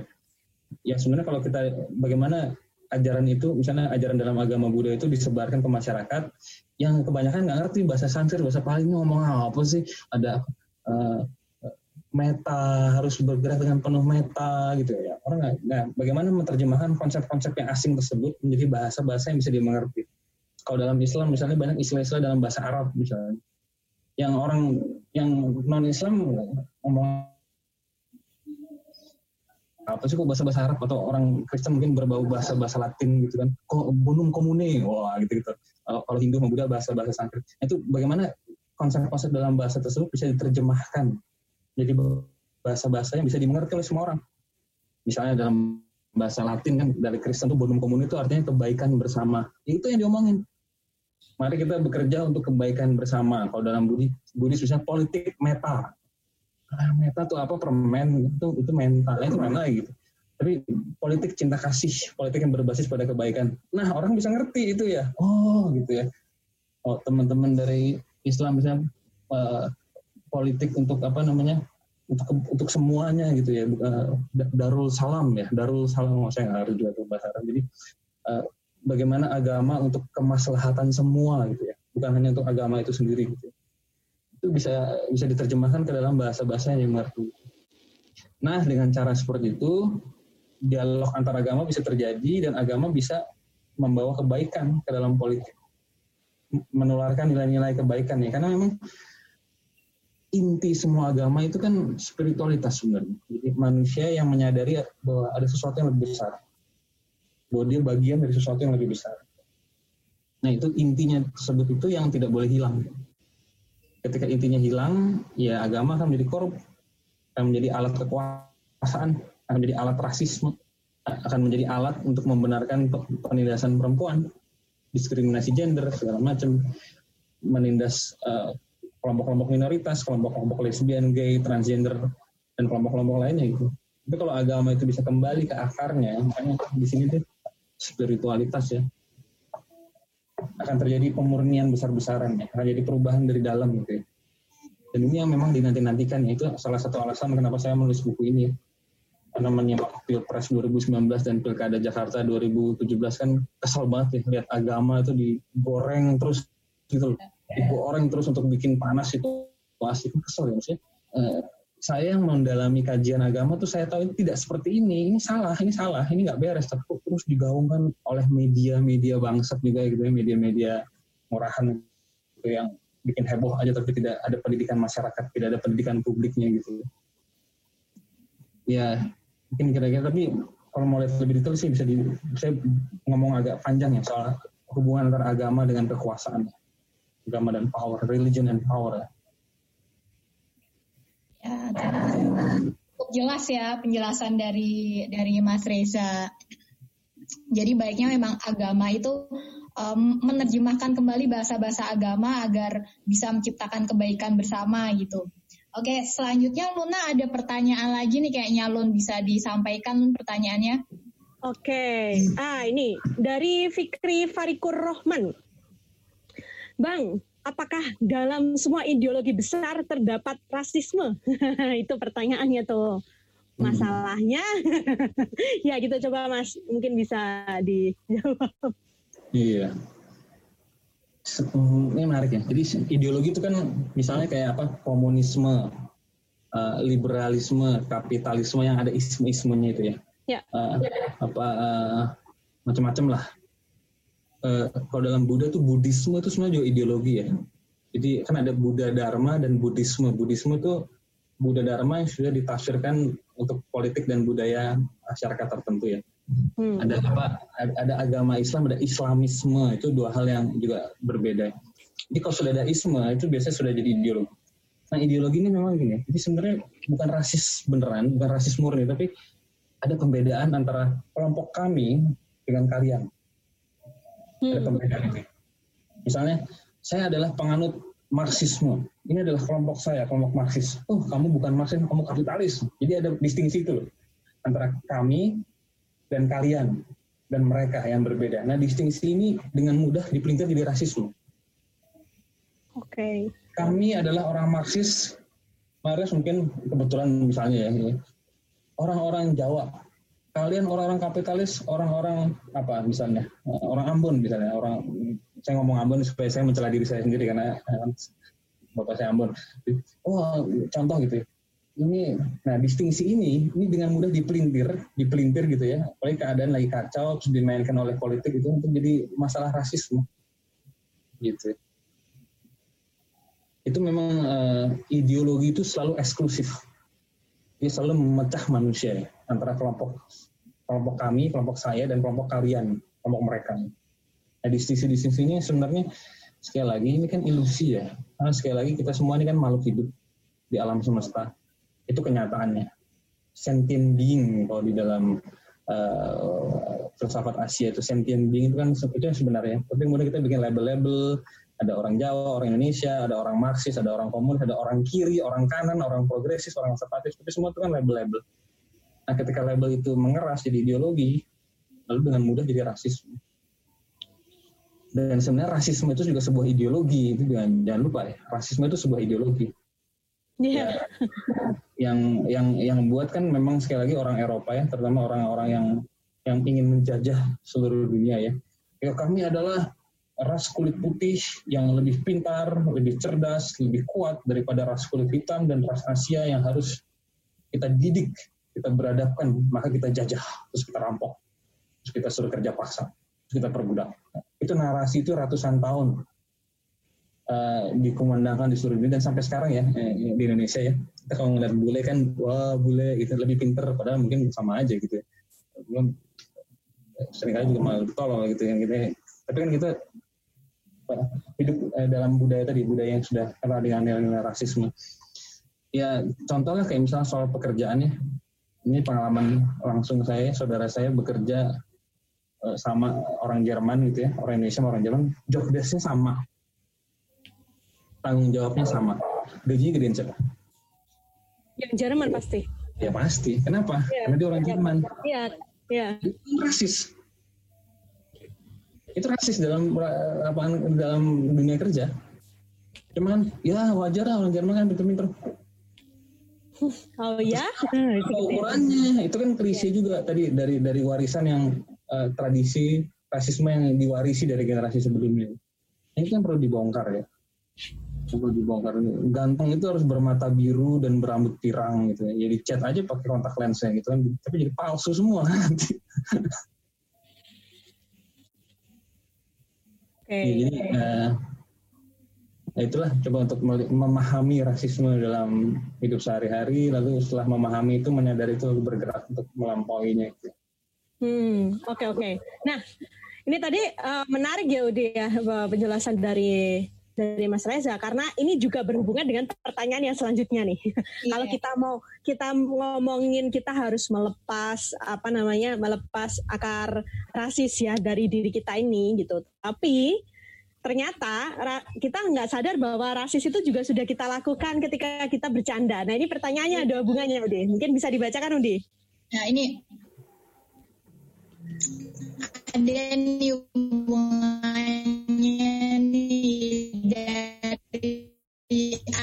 Anjas, oh, putus-putus ya? Anjas Mara nih. Nanya okay. Bang, saya punya teman dari Papua. Halo? Halo? Iya, iya, iya. Halo? Lanjut Udi. Ya, udah, udah. Ya, saya ulangi ya. Ini dari Anjas Mara. Nanya bang, saya punya teman dari Papua. Saya sering bercanda dengannya. Kami kadang saling bully. Saya sering bilang dia arang. Apakah itu juga rasisme bang? Atau cuma bercanda aja? Ini gimana? Yeah. Jadi lontaran-lontaran rasisme tapi dilontarkan dengan uh, bercandaan gitu dan masing-masing sepertinya kalau saya baca dari pertanyaannya sama-sama merasa bercandaan gitu ini gimana mas ini banyak banyak terjadi nih kayak gini Nah, ya. Iya, itu saya alami bertahun-tahun ya. Saya dari SMP SMA tuh dipanggilnya Ambon ya. Bon, Bon, Bon, Ambon gitu. Dan teman-teman saya yang dari etnis Cina kita kasih nama pasti ya. ada yang namanya ini atau kayak ada sih ada namanya Ahong ada yang namanya Chen Chen. Nama aslinya Dianto kita panggilnya Chen Chen. Kan nggak ada hubungannya kan? Jadi ya asal jeplak aja lah gitu. Nah apakah itu dikategorikan sebagai rasisme ya? Itu pertanyaannya ya. Ya dari segi bahasa itu memang jelas itu rasisme ya karena kita mengkerangkeng orang ke dalam ras tertentu ya. Cuma kan uh, sering kali juga lihat harus lihat maksudnya ya. Apakah saya menyebut kata itu dengan membenci ya? untuk mendiskriminasi, membenci atau itu tanda keakraban. Itu yang juga harus dilihat benar-benar ya. Gitu. Kalau saya, saya pribadi saya dipanggil Ambon ya, memang nama marga saya waktu ini panggil Ambon ya Ambon gitu. Cuma aduh nggak boleh rasis sebenarnya. Ya saya tahu kok maksud dia baik, dia cuma bercanda gitu. Apalagi bercanda orang Jakarta itu kan brutal-brutal ya gitu ya. Nah, gitu kalau kita sensitif dan dikit-dikit rasis kan nah, itu kan punya teman dan hidup jadi susah ya gitu ya. Jadi mungkin buat ini Mas Anjas kayaknya tadi malam diskusi nih sama saya. Ya, ya itu tetap harus dilihat maksudnya ya maksudnya ya, jadi apakah itu dilakukan untuk membenci untuk mendiskriminasi untuk menghina atau itu untuk mencairkan suasana ya menjalankan keakraban saya juga lama di Surabaya orang panggil jancuk kiri kanan eh cok mendua ya ada itu bisa kasar ya. Jancuk matamu kon. Wah itu kok marah tapi kalau sama temen temen eh cok iya baru muncul. Mana ya. bapak ya gitu gitu lah. Jadi uh, intensi ya. Intensi itu juga sangat penting gitu. Ini kalau misalnya saya lagi nyetir tiba-tiba dipanggil, wah Ambon, oh bisa berantem ya itu jelas itu rasis gitu ya. Tapi kalau sama teman saya, eh Ambon apa kabar? Lu udah lama ketemu, nah itu temen gitu. Jadi walaupun ada berbau rasisme, cuma ya bijaklah cukup bijaklah lihat intensinya juga ya dan ya, bagaimana konteksnya itu digunakan gitu. Dan ini Udi sedikit nanggepin ya mungkin melanjutkan ke Mas Reza. Jadi gini Mas Reza, aku juga punya pengalaman nih waktu waktu ada perkumpulan uh, pekerja seni. Jadi pekerja seni perempuan se Indonesia ngumpul di Poso di Institut Musin Tuwu punyanya Alian Gogali. Nah di sana kan uh, kita juga karena sesama perempuan nih kan itu pasti pasti akan ini ya karena berbagai berbagai daerah dari dari Indonesia jadi ada Papua ada ada orang NTT, ada mana-mana. Jadi dari Sumatera, Jawa sampai Kalimantan sampai ke Papua. Dan untuk mengatasi sesuatu yang mungkin uh, yang tidak diharapkan gitu ya, kami bersepakat gitu aturannya adalah kita tidak bisa tidak boleh melontarkan suatu candaan. Meskipun intensinya adalah candaan tetapi kita dilarang untuk melontarkan uh, candaan yang uh, berintensi untuk membuat kita menjadi tersinggung. Misalnya gendut kurus sipit dan lain sebagainya. Ih Papua ih hitam ih apa gitu. Uh, sebenarnya itu cuma untuk ya apa namanya uh, kayak semacam menanamkan ke diri kita bahwa hal-hal yang seperti itu sebenarnya juga nggak baik juga ya. Jadi biar sebagai kebiasaan bahwa kita menghargai manusia itu secara setara gitu mas. Jadi uh, bukan bukan peh kita sayang gitu ya, peh kita sayang terus kita ngatain gitu, tapi kita juga belajar bahwa kita menghargai manusia tuh secara setara. Aku dan kamu tuh ya ya sebenarnya sama aja beda tempat doang. Gitu. Ya kalau saya pribadi sih uh, mungkin karena saya nggak terlalu peka kali kayak gitu gitu saya juga sering oh gendut banget loh sekarang. Ya, ya mungkin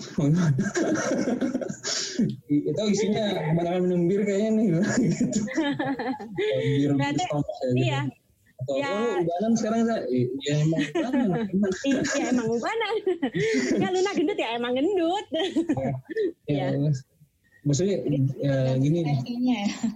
Iya iya mungkin kita juga harus belajar untuk tidak menyamakan diri kita dengan fisik kita atau dengan identitas kita. Jadi ketika itu dihina, ya dia menghina perut gua, gua, gua kan perut gua kan cuma sementara, ini nanti bisa gendut bisa kurus tergantung asupan yeah. aja gitu kan.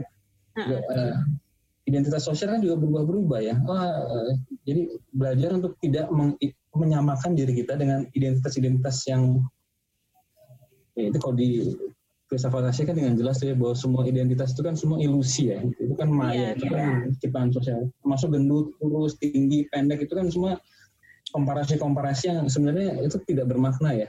Yeah. jadi kalaupun itu dimainkan untuk tujuan merusak gitu kalau saya sih saya udah agak udah agak mati rasa kali ya saya gitu ya. Mungkin ya buat buat teman-teman yang mungkin masih eh, masih agak menempel ya masih ada kelekatan gitu ya dengan identitas itu ya mungkin akan sakit hati ya kalau itu diserang gitu ya ah dasar tuh ubanan gitu apa sih uh, jerawatan gendut mungkin masih agak tersinggung dan mungkin butuh juga kesadaran seperti di tempatnya Luna tadi ya kesadaran semacam itu ya.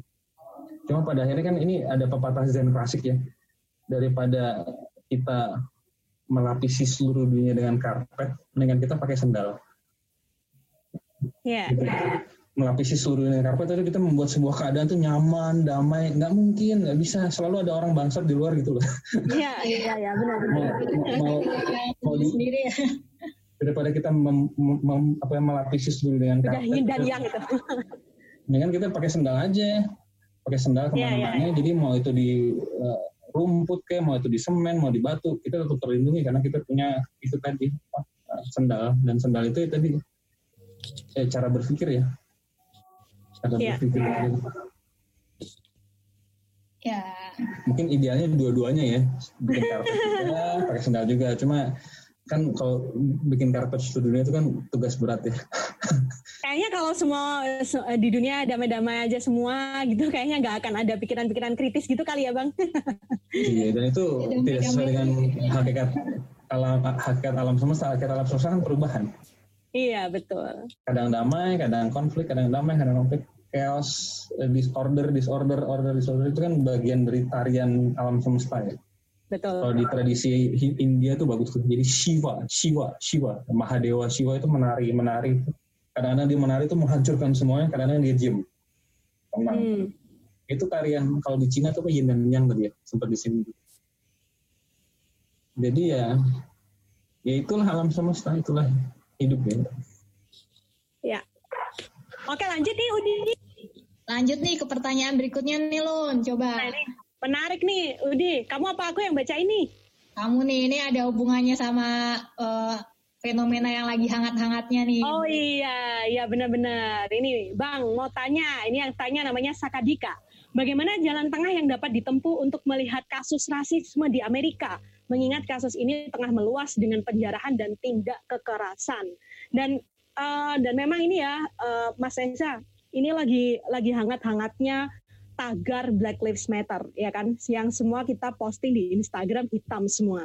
Tapi di satu sisi kita juga harus ngelihat seba, uh, sejauh mana tagar itu berjalan kan? Jangan-jangan pasang tagar dan pasang postingan Black Lives Matter tapi kita juga masih belum sadar apa itu rasisme dan gimana ngatasinya misalnya kayak gitu. Se sehingga tagar-tagar uh, itu cuma jadi algoritma aja gitu. Dan ternyata kasus krisis uh, penjarahan terus demo dan lain sebagainya perusakan itu juga juga uh, merugikan orang-orang kulit hitam di sana gitu. Yang mereka bekerja kelas, apalagi kelas menengah ke bawah. Gitu mas. Mungkin bisa ditanggapi Ya, saya bukan ahli Amerika ya, jadi nggak bisa banyak komen sebenarnya. Tapi kira-kira gini ya, saya tahu ya. Amerika itu kan negara yang unik ya.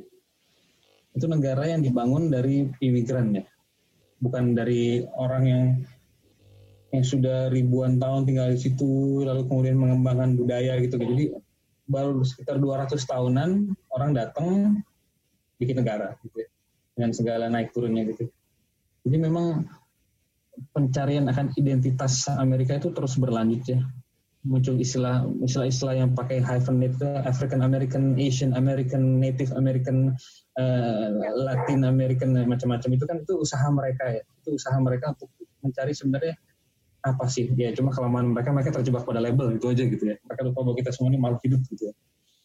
Mungkin di situ mereka perlu belajar dari Asia ya. Asia itu sudah kenyang ya dengan seperti itu. Terus dan masalah di Amerika ini kan masalah sudah lama ya. Itu masalah rasisme terhadap kulit hitam itu itu masalah yang sangat sistemik ya, sistemik mendalam sekali karena memang banyak orang-orang kulit putih termasuk orang kulit putih yang punya otoritas ya, polisi, pejabat negara itu masih sangat rasis ya. Masih punya pandangan yang sangat-sangat sempit tentang rasisme gitu. Ya. Yang yang agak terbuka mungkin yang sebelah kiri kanan itu ya, Los Angeles sama New York itu agak terbuka ya. Begitu kita ke tengah, Amerika Tengah itu itu lain sama sekali, itu seperti negara yang berbeda itu keadaan diperparah ketika presidennya juga Donald Trump. Presidennya agresif, suka bikin komen sembarangan, suka bikin tingkah lakunya juga aneh-aneh, yang bikin keadaan makin panas. Jadi krisis kepemimpinan ditambah dengan masalah rasisme yang sudah puluhan tahun, sudah ratusan tahun ya di Amerika. Ditambah dengan proses Amerika mencari identitas terus-menerusnya. Sebenarnya Amerika itu apa sih? sebagai sebuah konstruk, sebagai sebuah kontrak sosial gitu misalnya. Itu juga. Nah ini membuat kasus-kasus di Amerika memang jadi kompleks ya. Nah lalu pertanyaan kan pertanyaan si Sakadika ini bagaimana ya? Ya ini harus bergerak dari saya orang Indonesia gitu nggak bisa tahu banyak juga dan nggak bisa ikut campur juga soal Amerika. Tapi leadership kepemimpinan di sini Donald Trump sebagai presiden diuji apakah dia bisa jadi presiden beneran atau cuma jadi badut cuma bisa ngomong bikin di Twitter kicauannya bikin orang heboh gitu ya. dan eh seperti saya bilang saya udah nggak baca berita hampir dua minggu ya saya nggak ngikutin juga karena saya lebih baca lebih baca buku ada beberapa buku yang saya lagi mau selesaikan tapi yang saya tahu ya memang ini Donald Trump dinilai tidak berhasil. Ketika ada demonstrasi di Washington, bukannya dia berdialog, malah dia kirim tentara, kirim polisi, kirim National Guard. Ya akhirnya malah makin panas. Dan demonstrasi semacam itu memang gampang ditunggangi oleh kepentingan-kepentingan tadi yang menjarah, merusak. Gitu ya. Dan akhirnya merugikan Amerika itu sendiri. Dan ya ini kan sekarang tahun pilpres ya di Amerika ya. Semoga mereka milih yang lebih baik lah ya gitu karena capek juga karena apa yang terjadi itu mempengaruhi seluruh dunia gitu loh. Iya, iya, benar. Ini nggak beres, kita di Indonesia juga kena gitu ya. Kena, iya, parah banget. Karena bagaimanapun mereka memang masih negara yang punya pengaruh paling besar di dunia ini gitu ya. Betul. Baik secara budaya, secara ekonomi, secara politik, kita masih mengacu ke sana lah gitu. Jadi kalau di sana goyang gonjang ganjing, masalah terus, ya orang akhirnya semua seluruh dunia kena gitu. Jadi memang harus ini. Ini ujian untuk Mr. Donald Trump ya dan kabinetnya ya untuk membuat langkah-langkah yang bijak ya. Ya.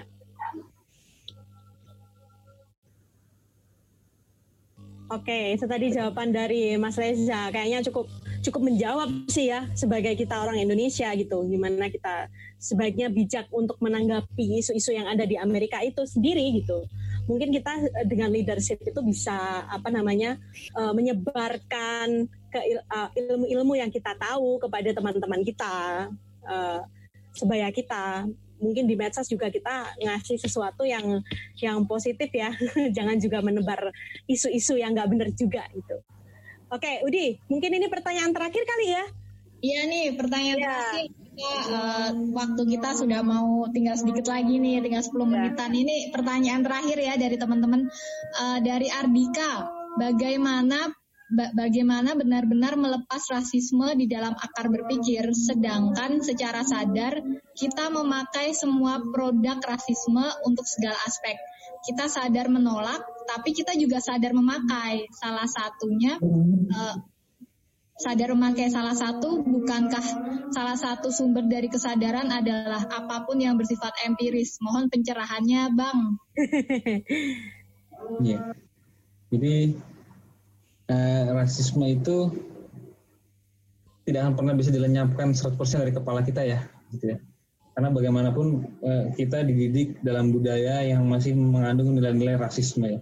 Bukan hanya rasisme ya, diskriminasi terhadap perempuan, diskriminasi terhadap minoritas, ini budaya kita masih seperti itu kuncinya cuma satu tadi itu tidak akan pernah hilang uh, saya sendiri juga masih punya banyak pikiran rasis ya tapi itu kan pikiran doang itu kayak jejak-jejak dari masa lalu dari pola sesuai pola pendidikan saya gitu. Ketika kita sadar itu dan kita bikin jeda ya bikin pause ya gue nggak mau nggak mau nerusin gue nggak mau ikutin. Jadi ketika pikiran itu muncul kita nggak ngikutin. Sadari dan di, di, di stop di situ ya. Disadari di stop. Ini tekniknya teknik memang ini ya teknik meditasi ya. Jadi menyadari gerak pikiran lalu kita kembali ke nafas. Menyadari gerak pikiran kembali ke badan. Itu banyak tekniknya. Itu sangat membantu supaya ini walaupun datang tapi tidak merongrong gitu. Dia muncul tapi tidak merongrong gitu Nah, si Mas Ardika ini sudah bagus ya, jadi dia sudah sudah sadar gitu ya. Ya, gue maunya anti rasis tapi gue masih suka, suka pakai produk produk rasisme gitu ya. Ya misalnya kita apa kita ingin merawan kulit uh, rasisme orang kulit putih dengan tidak memakai produk kulit putih ya susah juga ya. Kita ngomong di zoom ini pakai produknya Amerika ya. Jadi yeah. saya pikir tidak bisa hitam putih semacam itulah. Yang penting disadari saja banyak pikiran rasis. Tindakan kita juga mungkin masih uh, ada jejak-jejak rasisme ya, dan dengan kesadaran itu dengan mengembangkan kesadaran terus menerus itu pelan-pelan kita bisa melampaui. Tapi tidak akan pernah hilang ya harus disadari ya. Itu kan muncul terus ya. Itu kayak refleks gitu loh. Sek, sek, sek. di tengah jalan lihat apa lihat orang bule set muncul. Di tengah jalan lihat orang kulit hitam set muncul. Di tengah jalan lihat orang Cina set muncul misalnya di Jerman tuh ada yang namanya Galbe Gefahr. Galbe Gefahr tuh bahaya, the yellow danger, jadi bahaya orang. Dan itu memang uh, uh, lihat orang Cina di tengah jalan, wah ini pasti dia sedang uh, berbisnis untuk menguasai Jerman, lah gitu gitu lah. Uh, teori-teori buang sepenuhnya ya itu kayak otomatis gitu. ya bagaimana itu dilanjutkan apa enggak bahwa pikiran itu berbuah jadi tindakan atau dia merongrong atau tidak. Itu di situ kemampuan kita ya kemampuan kita. Dan uh, saya pikir eh, teknik-teknik meditasi itu sangat membantu ya. Dan meditasi itu bukan monopoli Buddhis atau Hindu ya. Itu meditasi itu alat survival semua manusia saya selalu bilang itu ya. Zaman sekarang kalau kita nggak belajar meditasi kita gila. Udah itu aja. Apalagi dengan krisis COVID, COVID kampret, nanti ada krisis lagi lah, ada krisis lagi lah, mm, ada berita lagi lah, ada gempa bumi, ada ada konflik, ada rasisme. Ini ini bukan yang terakhir loh, nanti bulan depan ada lain lagi isunya nih. Ini kalau kita tidak punya alat ya, punya metode untuk melatih diri kita, mengembangkan batin kita, gila, itu aja. Jadi ya sadar terus, terus ya jangan diturutin. Ada ada pemikiran rasis, disadari, jangan diterusin. Di, ikat di situ gitu ya. Ini latihan sumber hidup ya. Latihan kadang-kadang gagal nggak apa-apa, uh, santai aja gitu. Uh, bahkan master-master yang sudah bisa melatih batin juga masih gagal karena itu latihan-latihan terus seumur hidup setiap detik adalah kesempatan untuk belajar. Gitu. Ya. Oke. Okay. Mantap bisa ditangani dengan menepikan diri dari berita-berita rasisme yang beredar di mana-mana. Iya, saya pikir ada waktu kita puasa deh, puasa media dulu nih, karena ya. racun. Benar, puasa benar. Hmm. Baca buku saya gitu.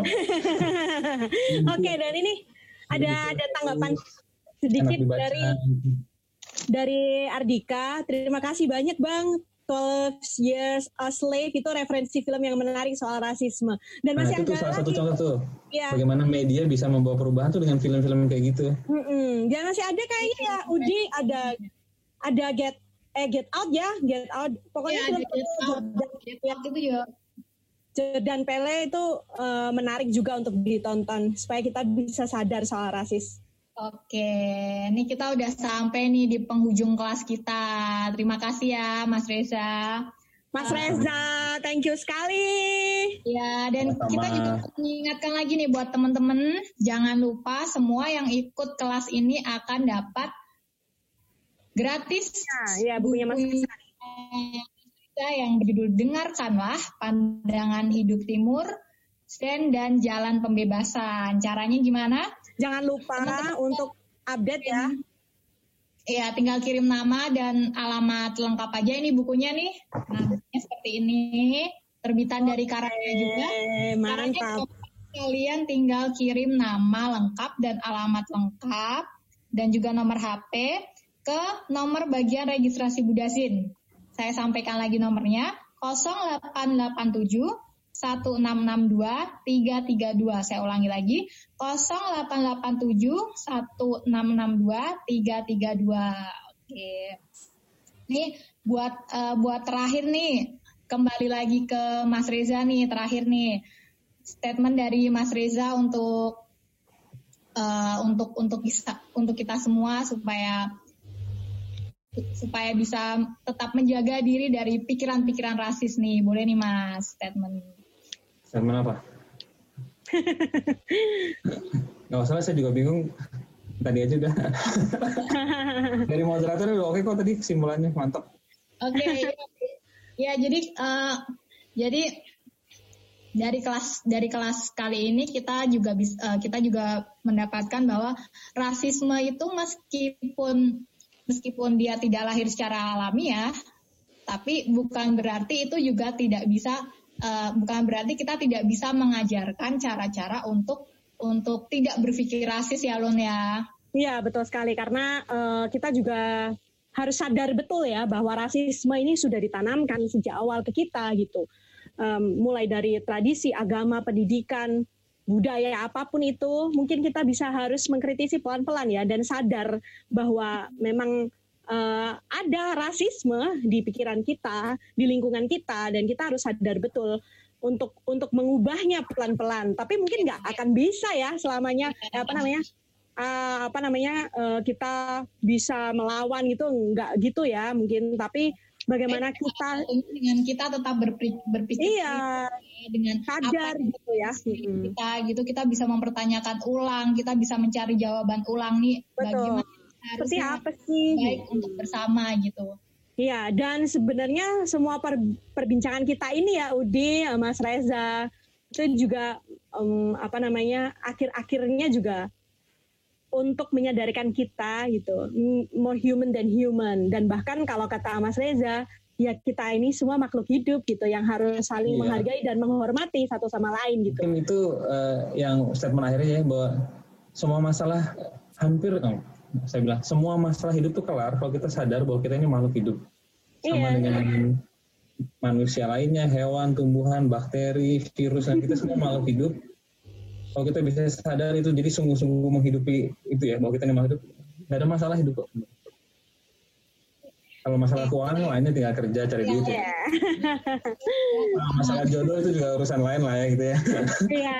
Dan dan ada yang penting juga yang aku garis bawah ini Udi dan Mas Reza mungkin dari keterangannya Mas Reza itu bahwa kita juga bisa menyadarkan diri kita gitu. Kita kritis dengan berkarya karena saya ini seniman gitu. Udi itu kan juga seniman nih. saya di teater um, salah satu cara saya kritis adalah dengan berkarya gitu uh, melawan rasisnya bisa dari apa aja nih Mas Reza ya kan? Mungkin kalau saya yang saya fokuskan adalah tentang keperempuanan jadi tentang uh, apa namanya gender gitu ngomongin tentang gender yeah. equality gender dan lain sebagainya tapi mungkin bagi teman-teman semua kita bisa mengkritisi itu lewat sesuatu gitu yang lain berkarya yang lain yeah. entah itu buku membaca atau apa pun yang bisa kalian lakukan sekecil apa pun untuk mengkritisi sesuatu yang tidak baik yang namanya rasisme itu silahkan dilakukan gitu. bisa bikin usaha bisa bisnis yang inklusif yeah. yang apa karyawan karyawatinya itu diperlakukan dengan fair itu kan juga berkarya ya. Iya, ya, betul. Ya, nanti uh, Mas Reza mau yang ngisi kelas di Budasin lagi nih setelah ini. Hmm, kabar-kabarin aja. Iya, asik. Oh ya Mas, Mas Reza dapat salam nih dari Bang Fukar. Bang, Bang siapa? Fukar saya. Bang. Fukar. Oke, uh, terima kasih untuk semuanya dari dari diskusi ini saya jadi ingat kata eh, kata-kata seorang sastrawan dari Senobumi Raji Dharma uh, bahwa namun sebagai kekayaan karena keseragaman pikiran sungguh-sungguh memiskinkan memiskinkan kemanusiaan ya ini mantap uh, ya.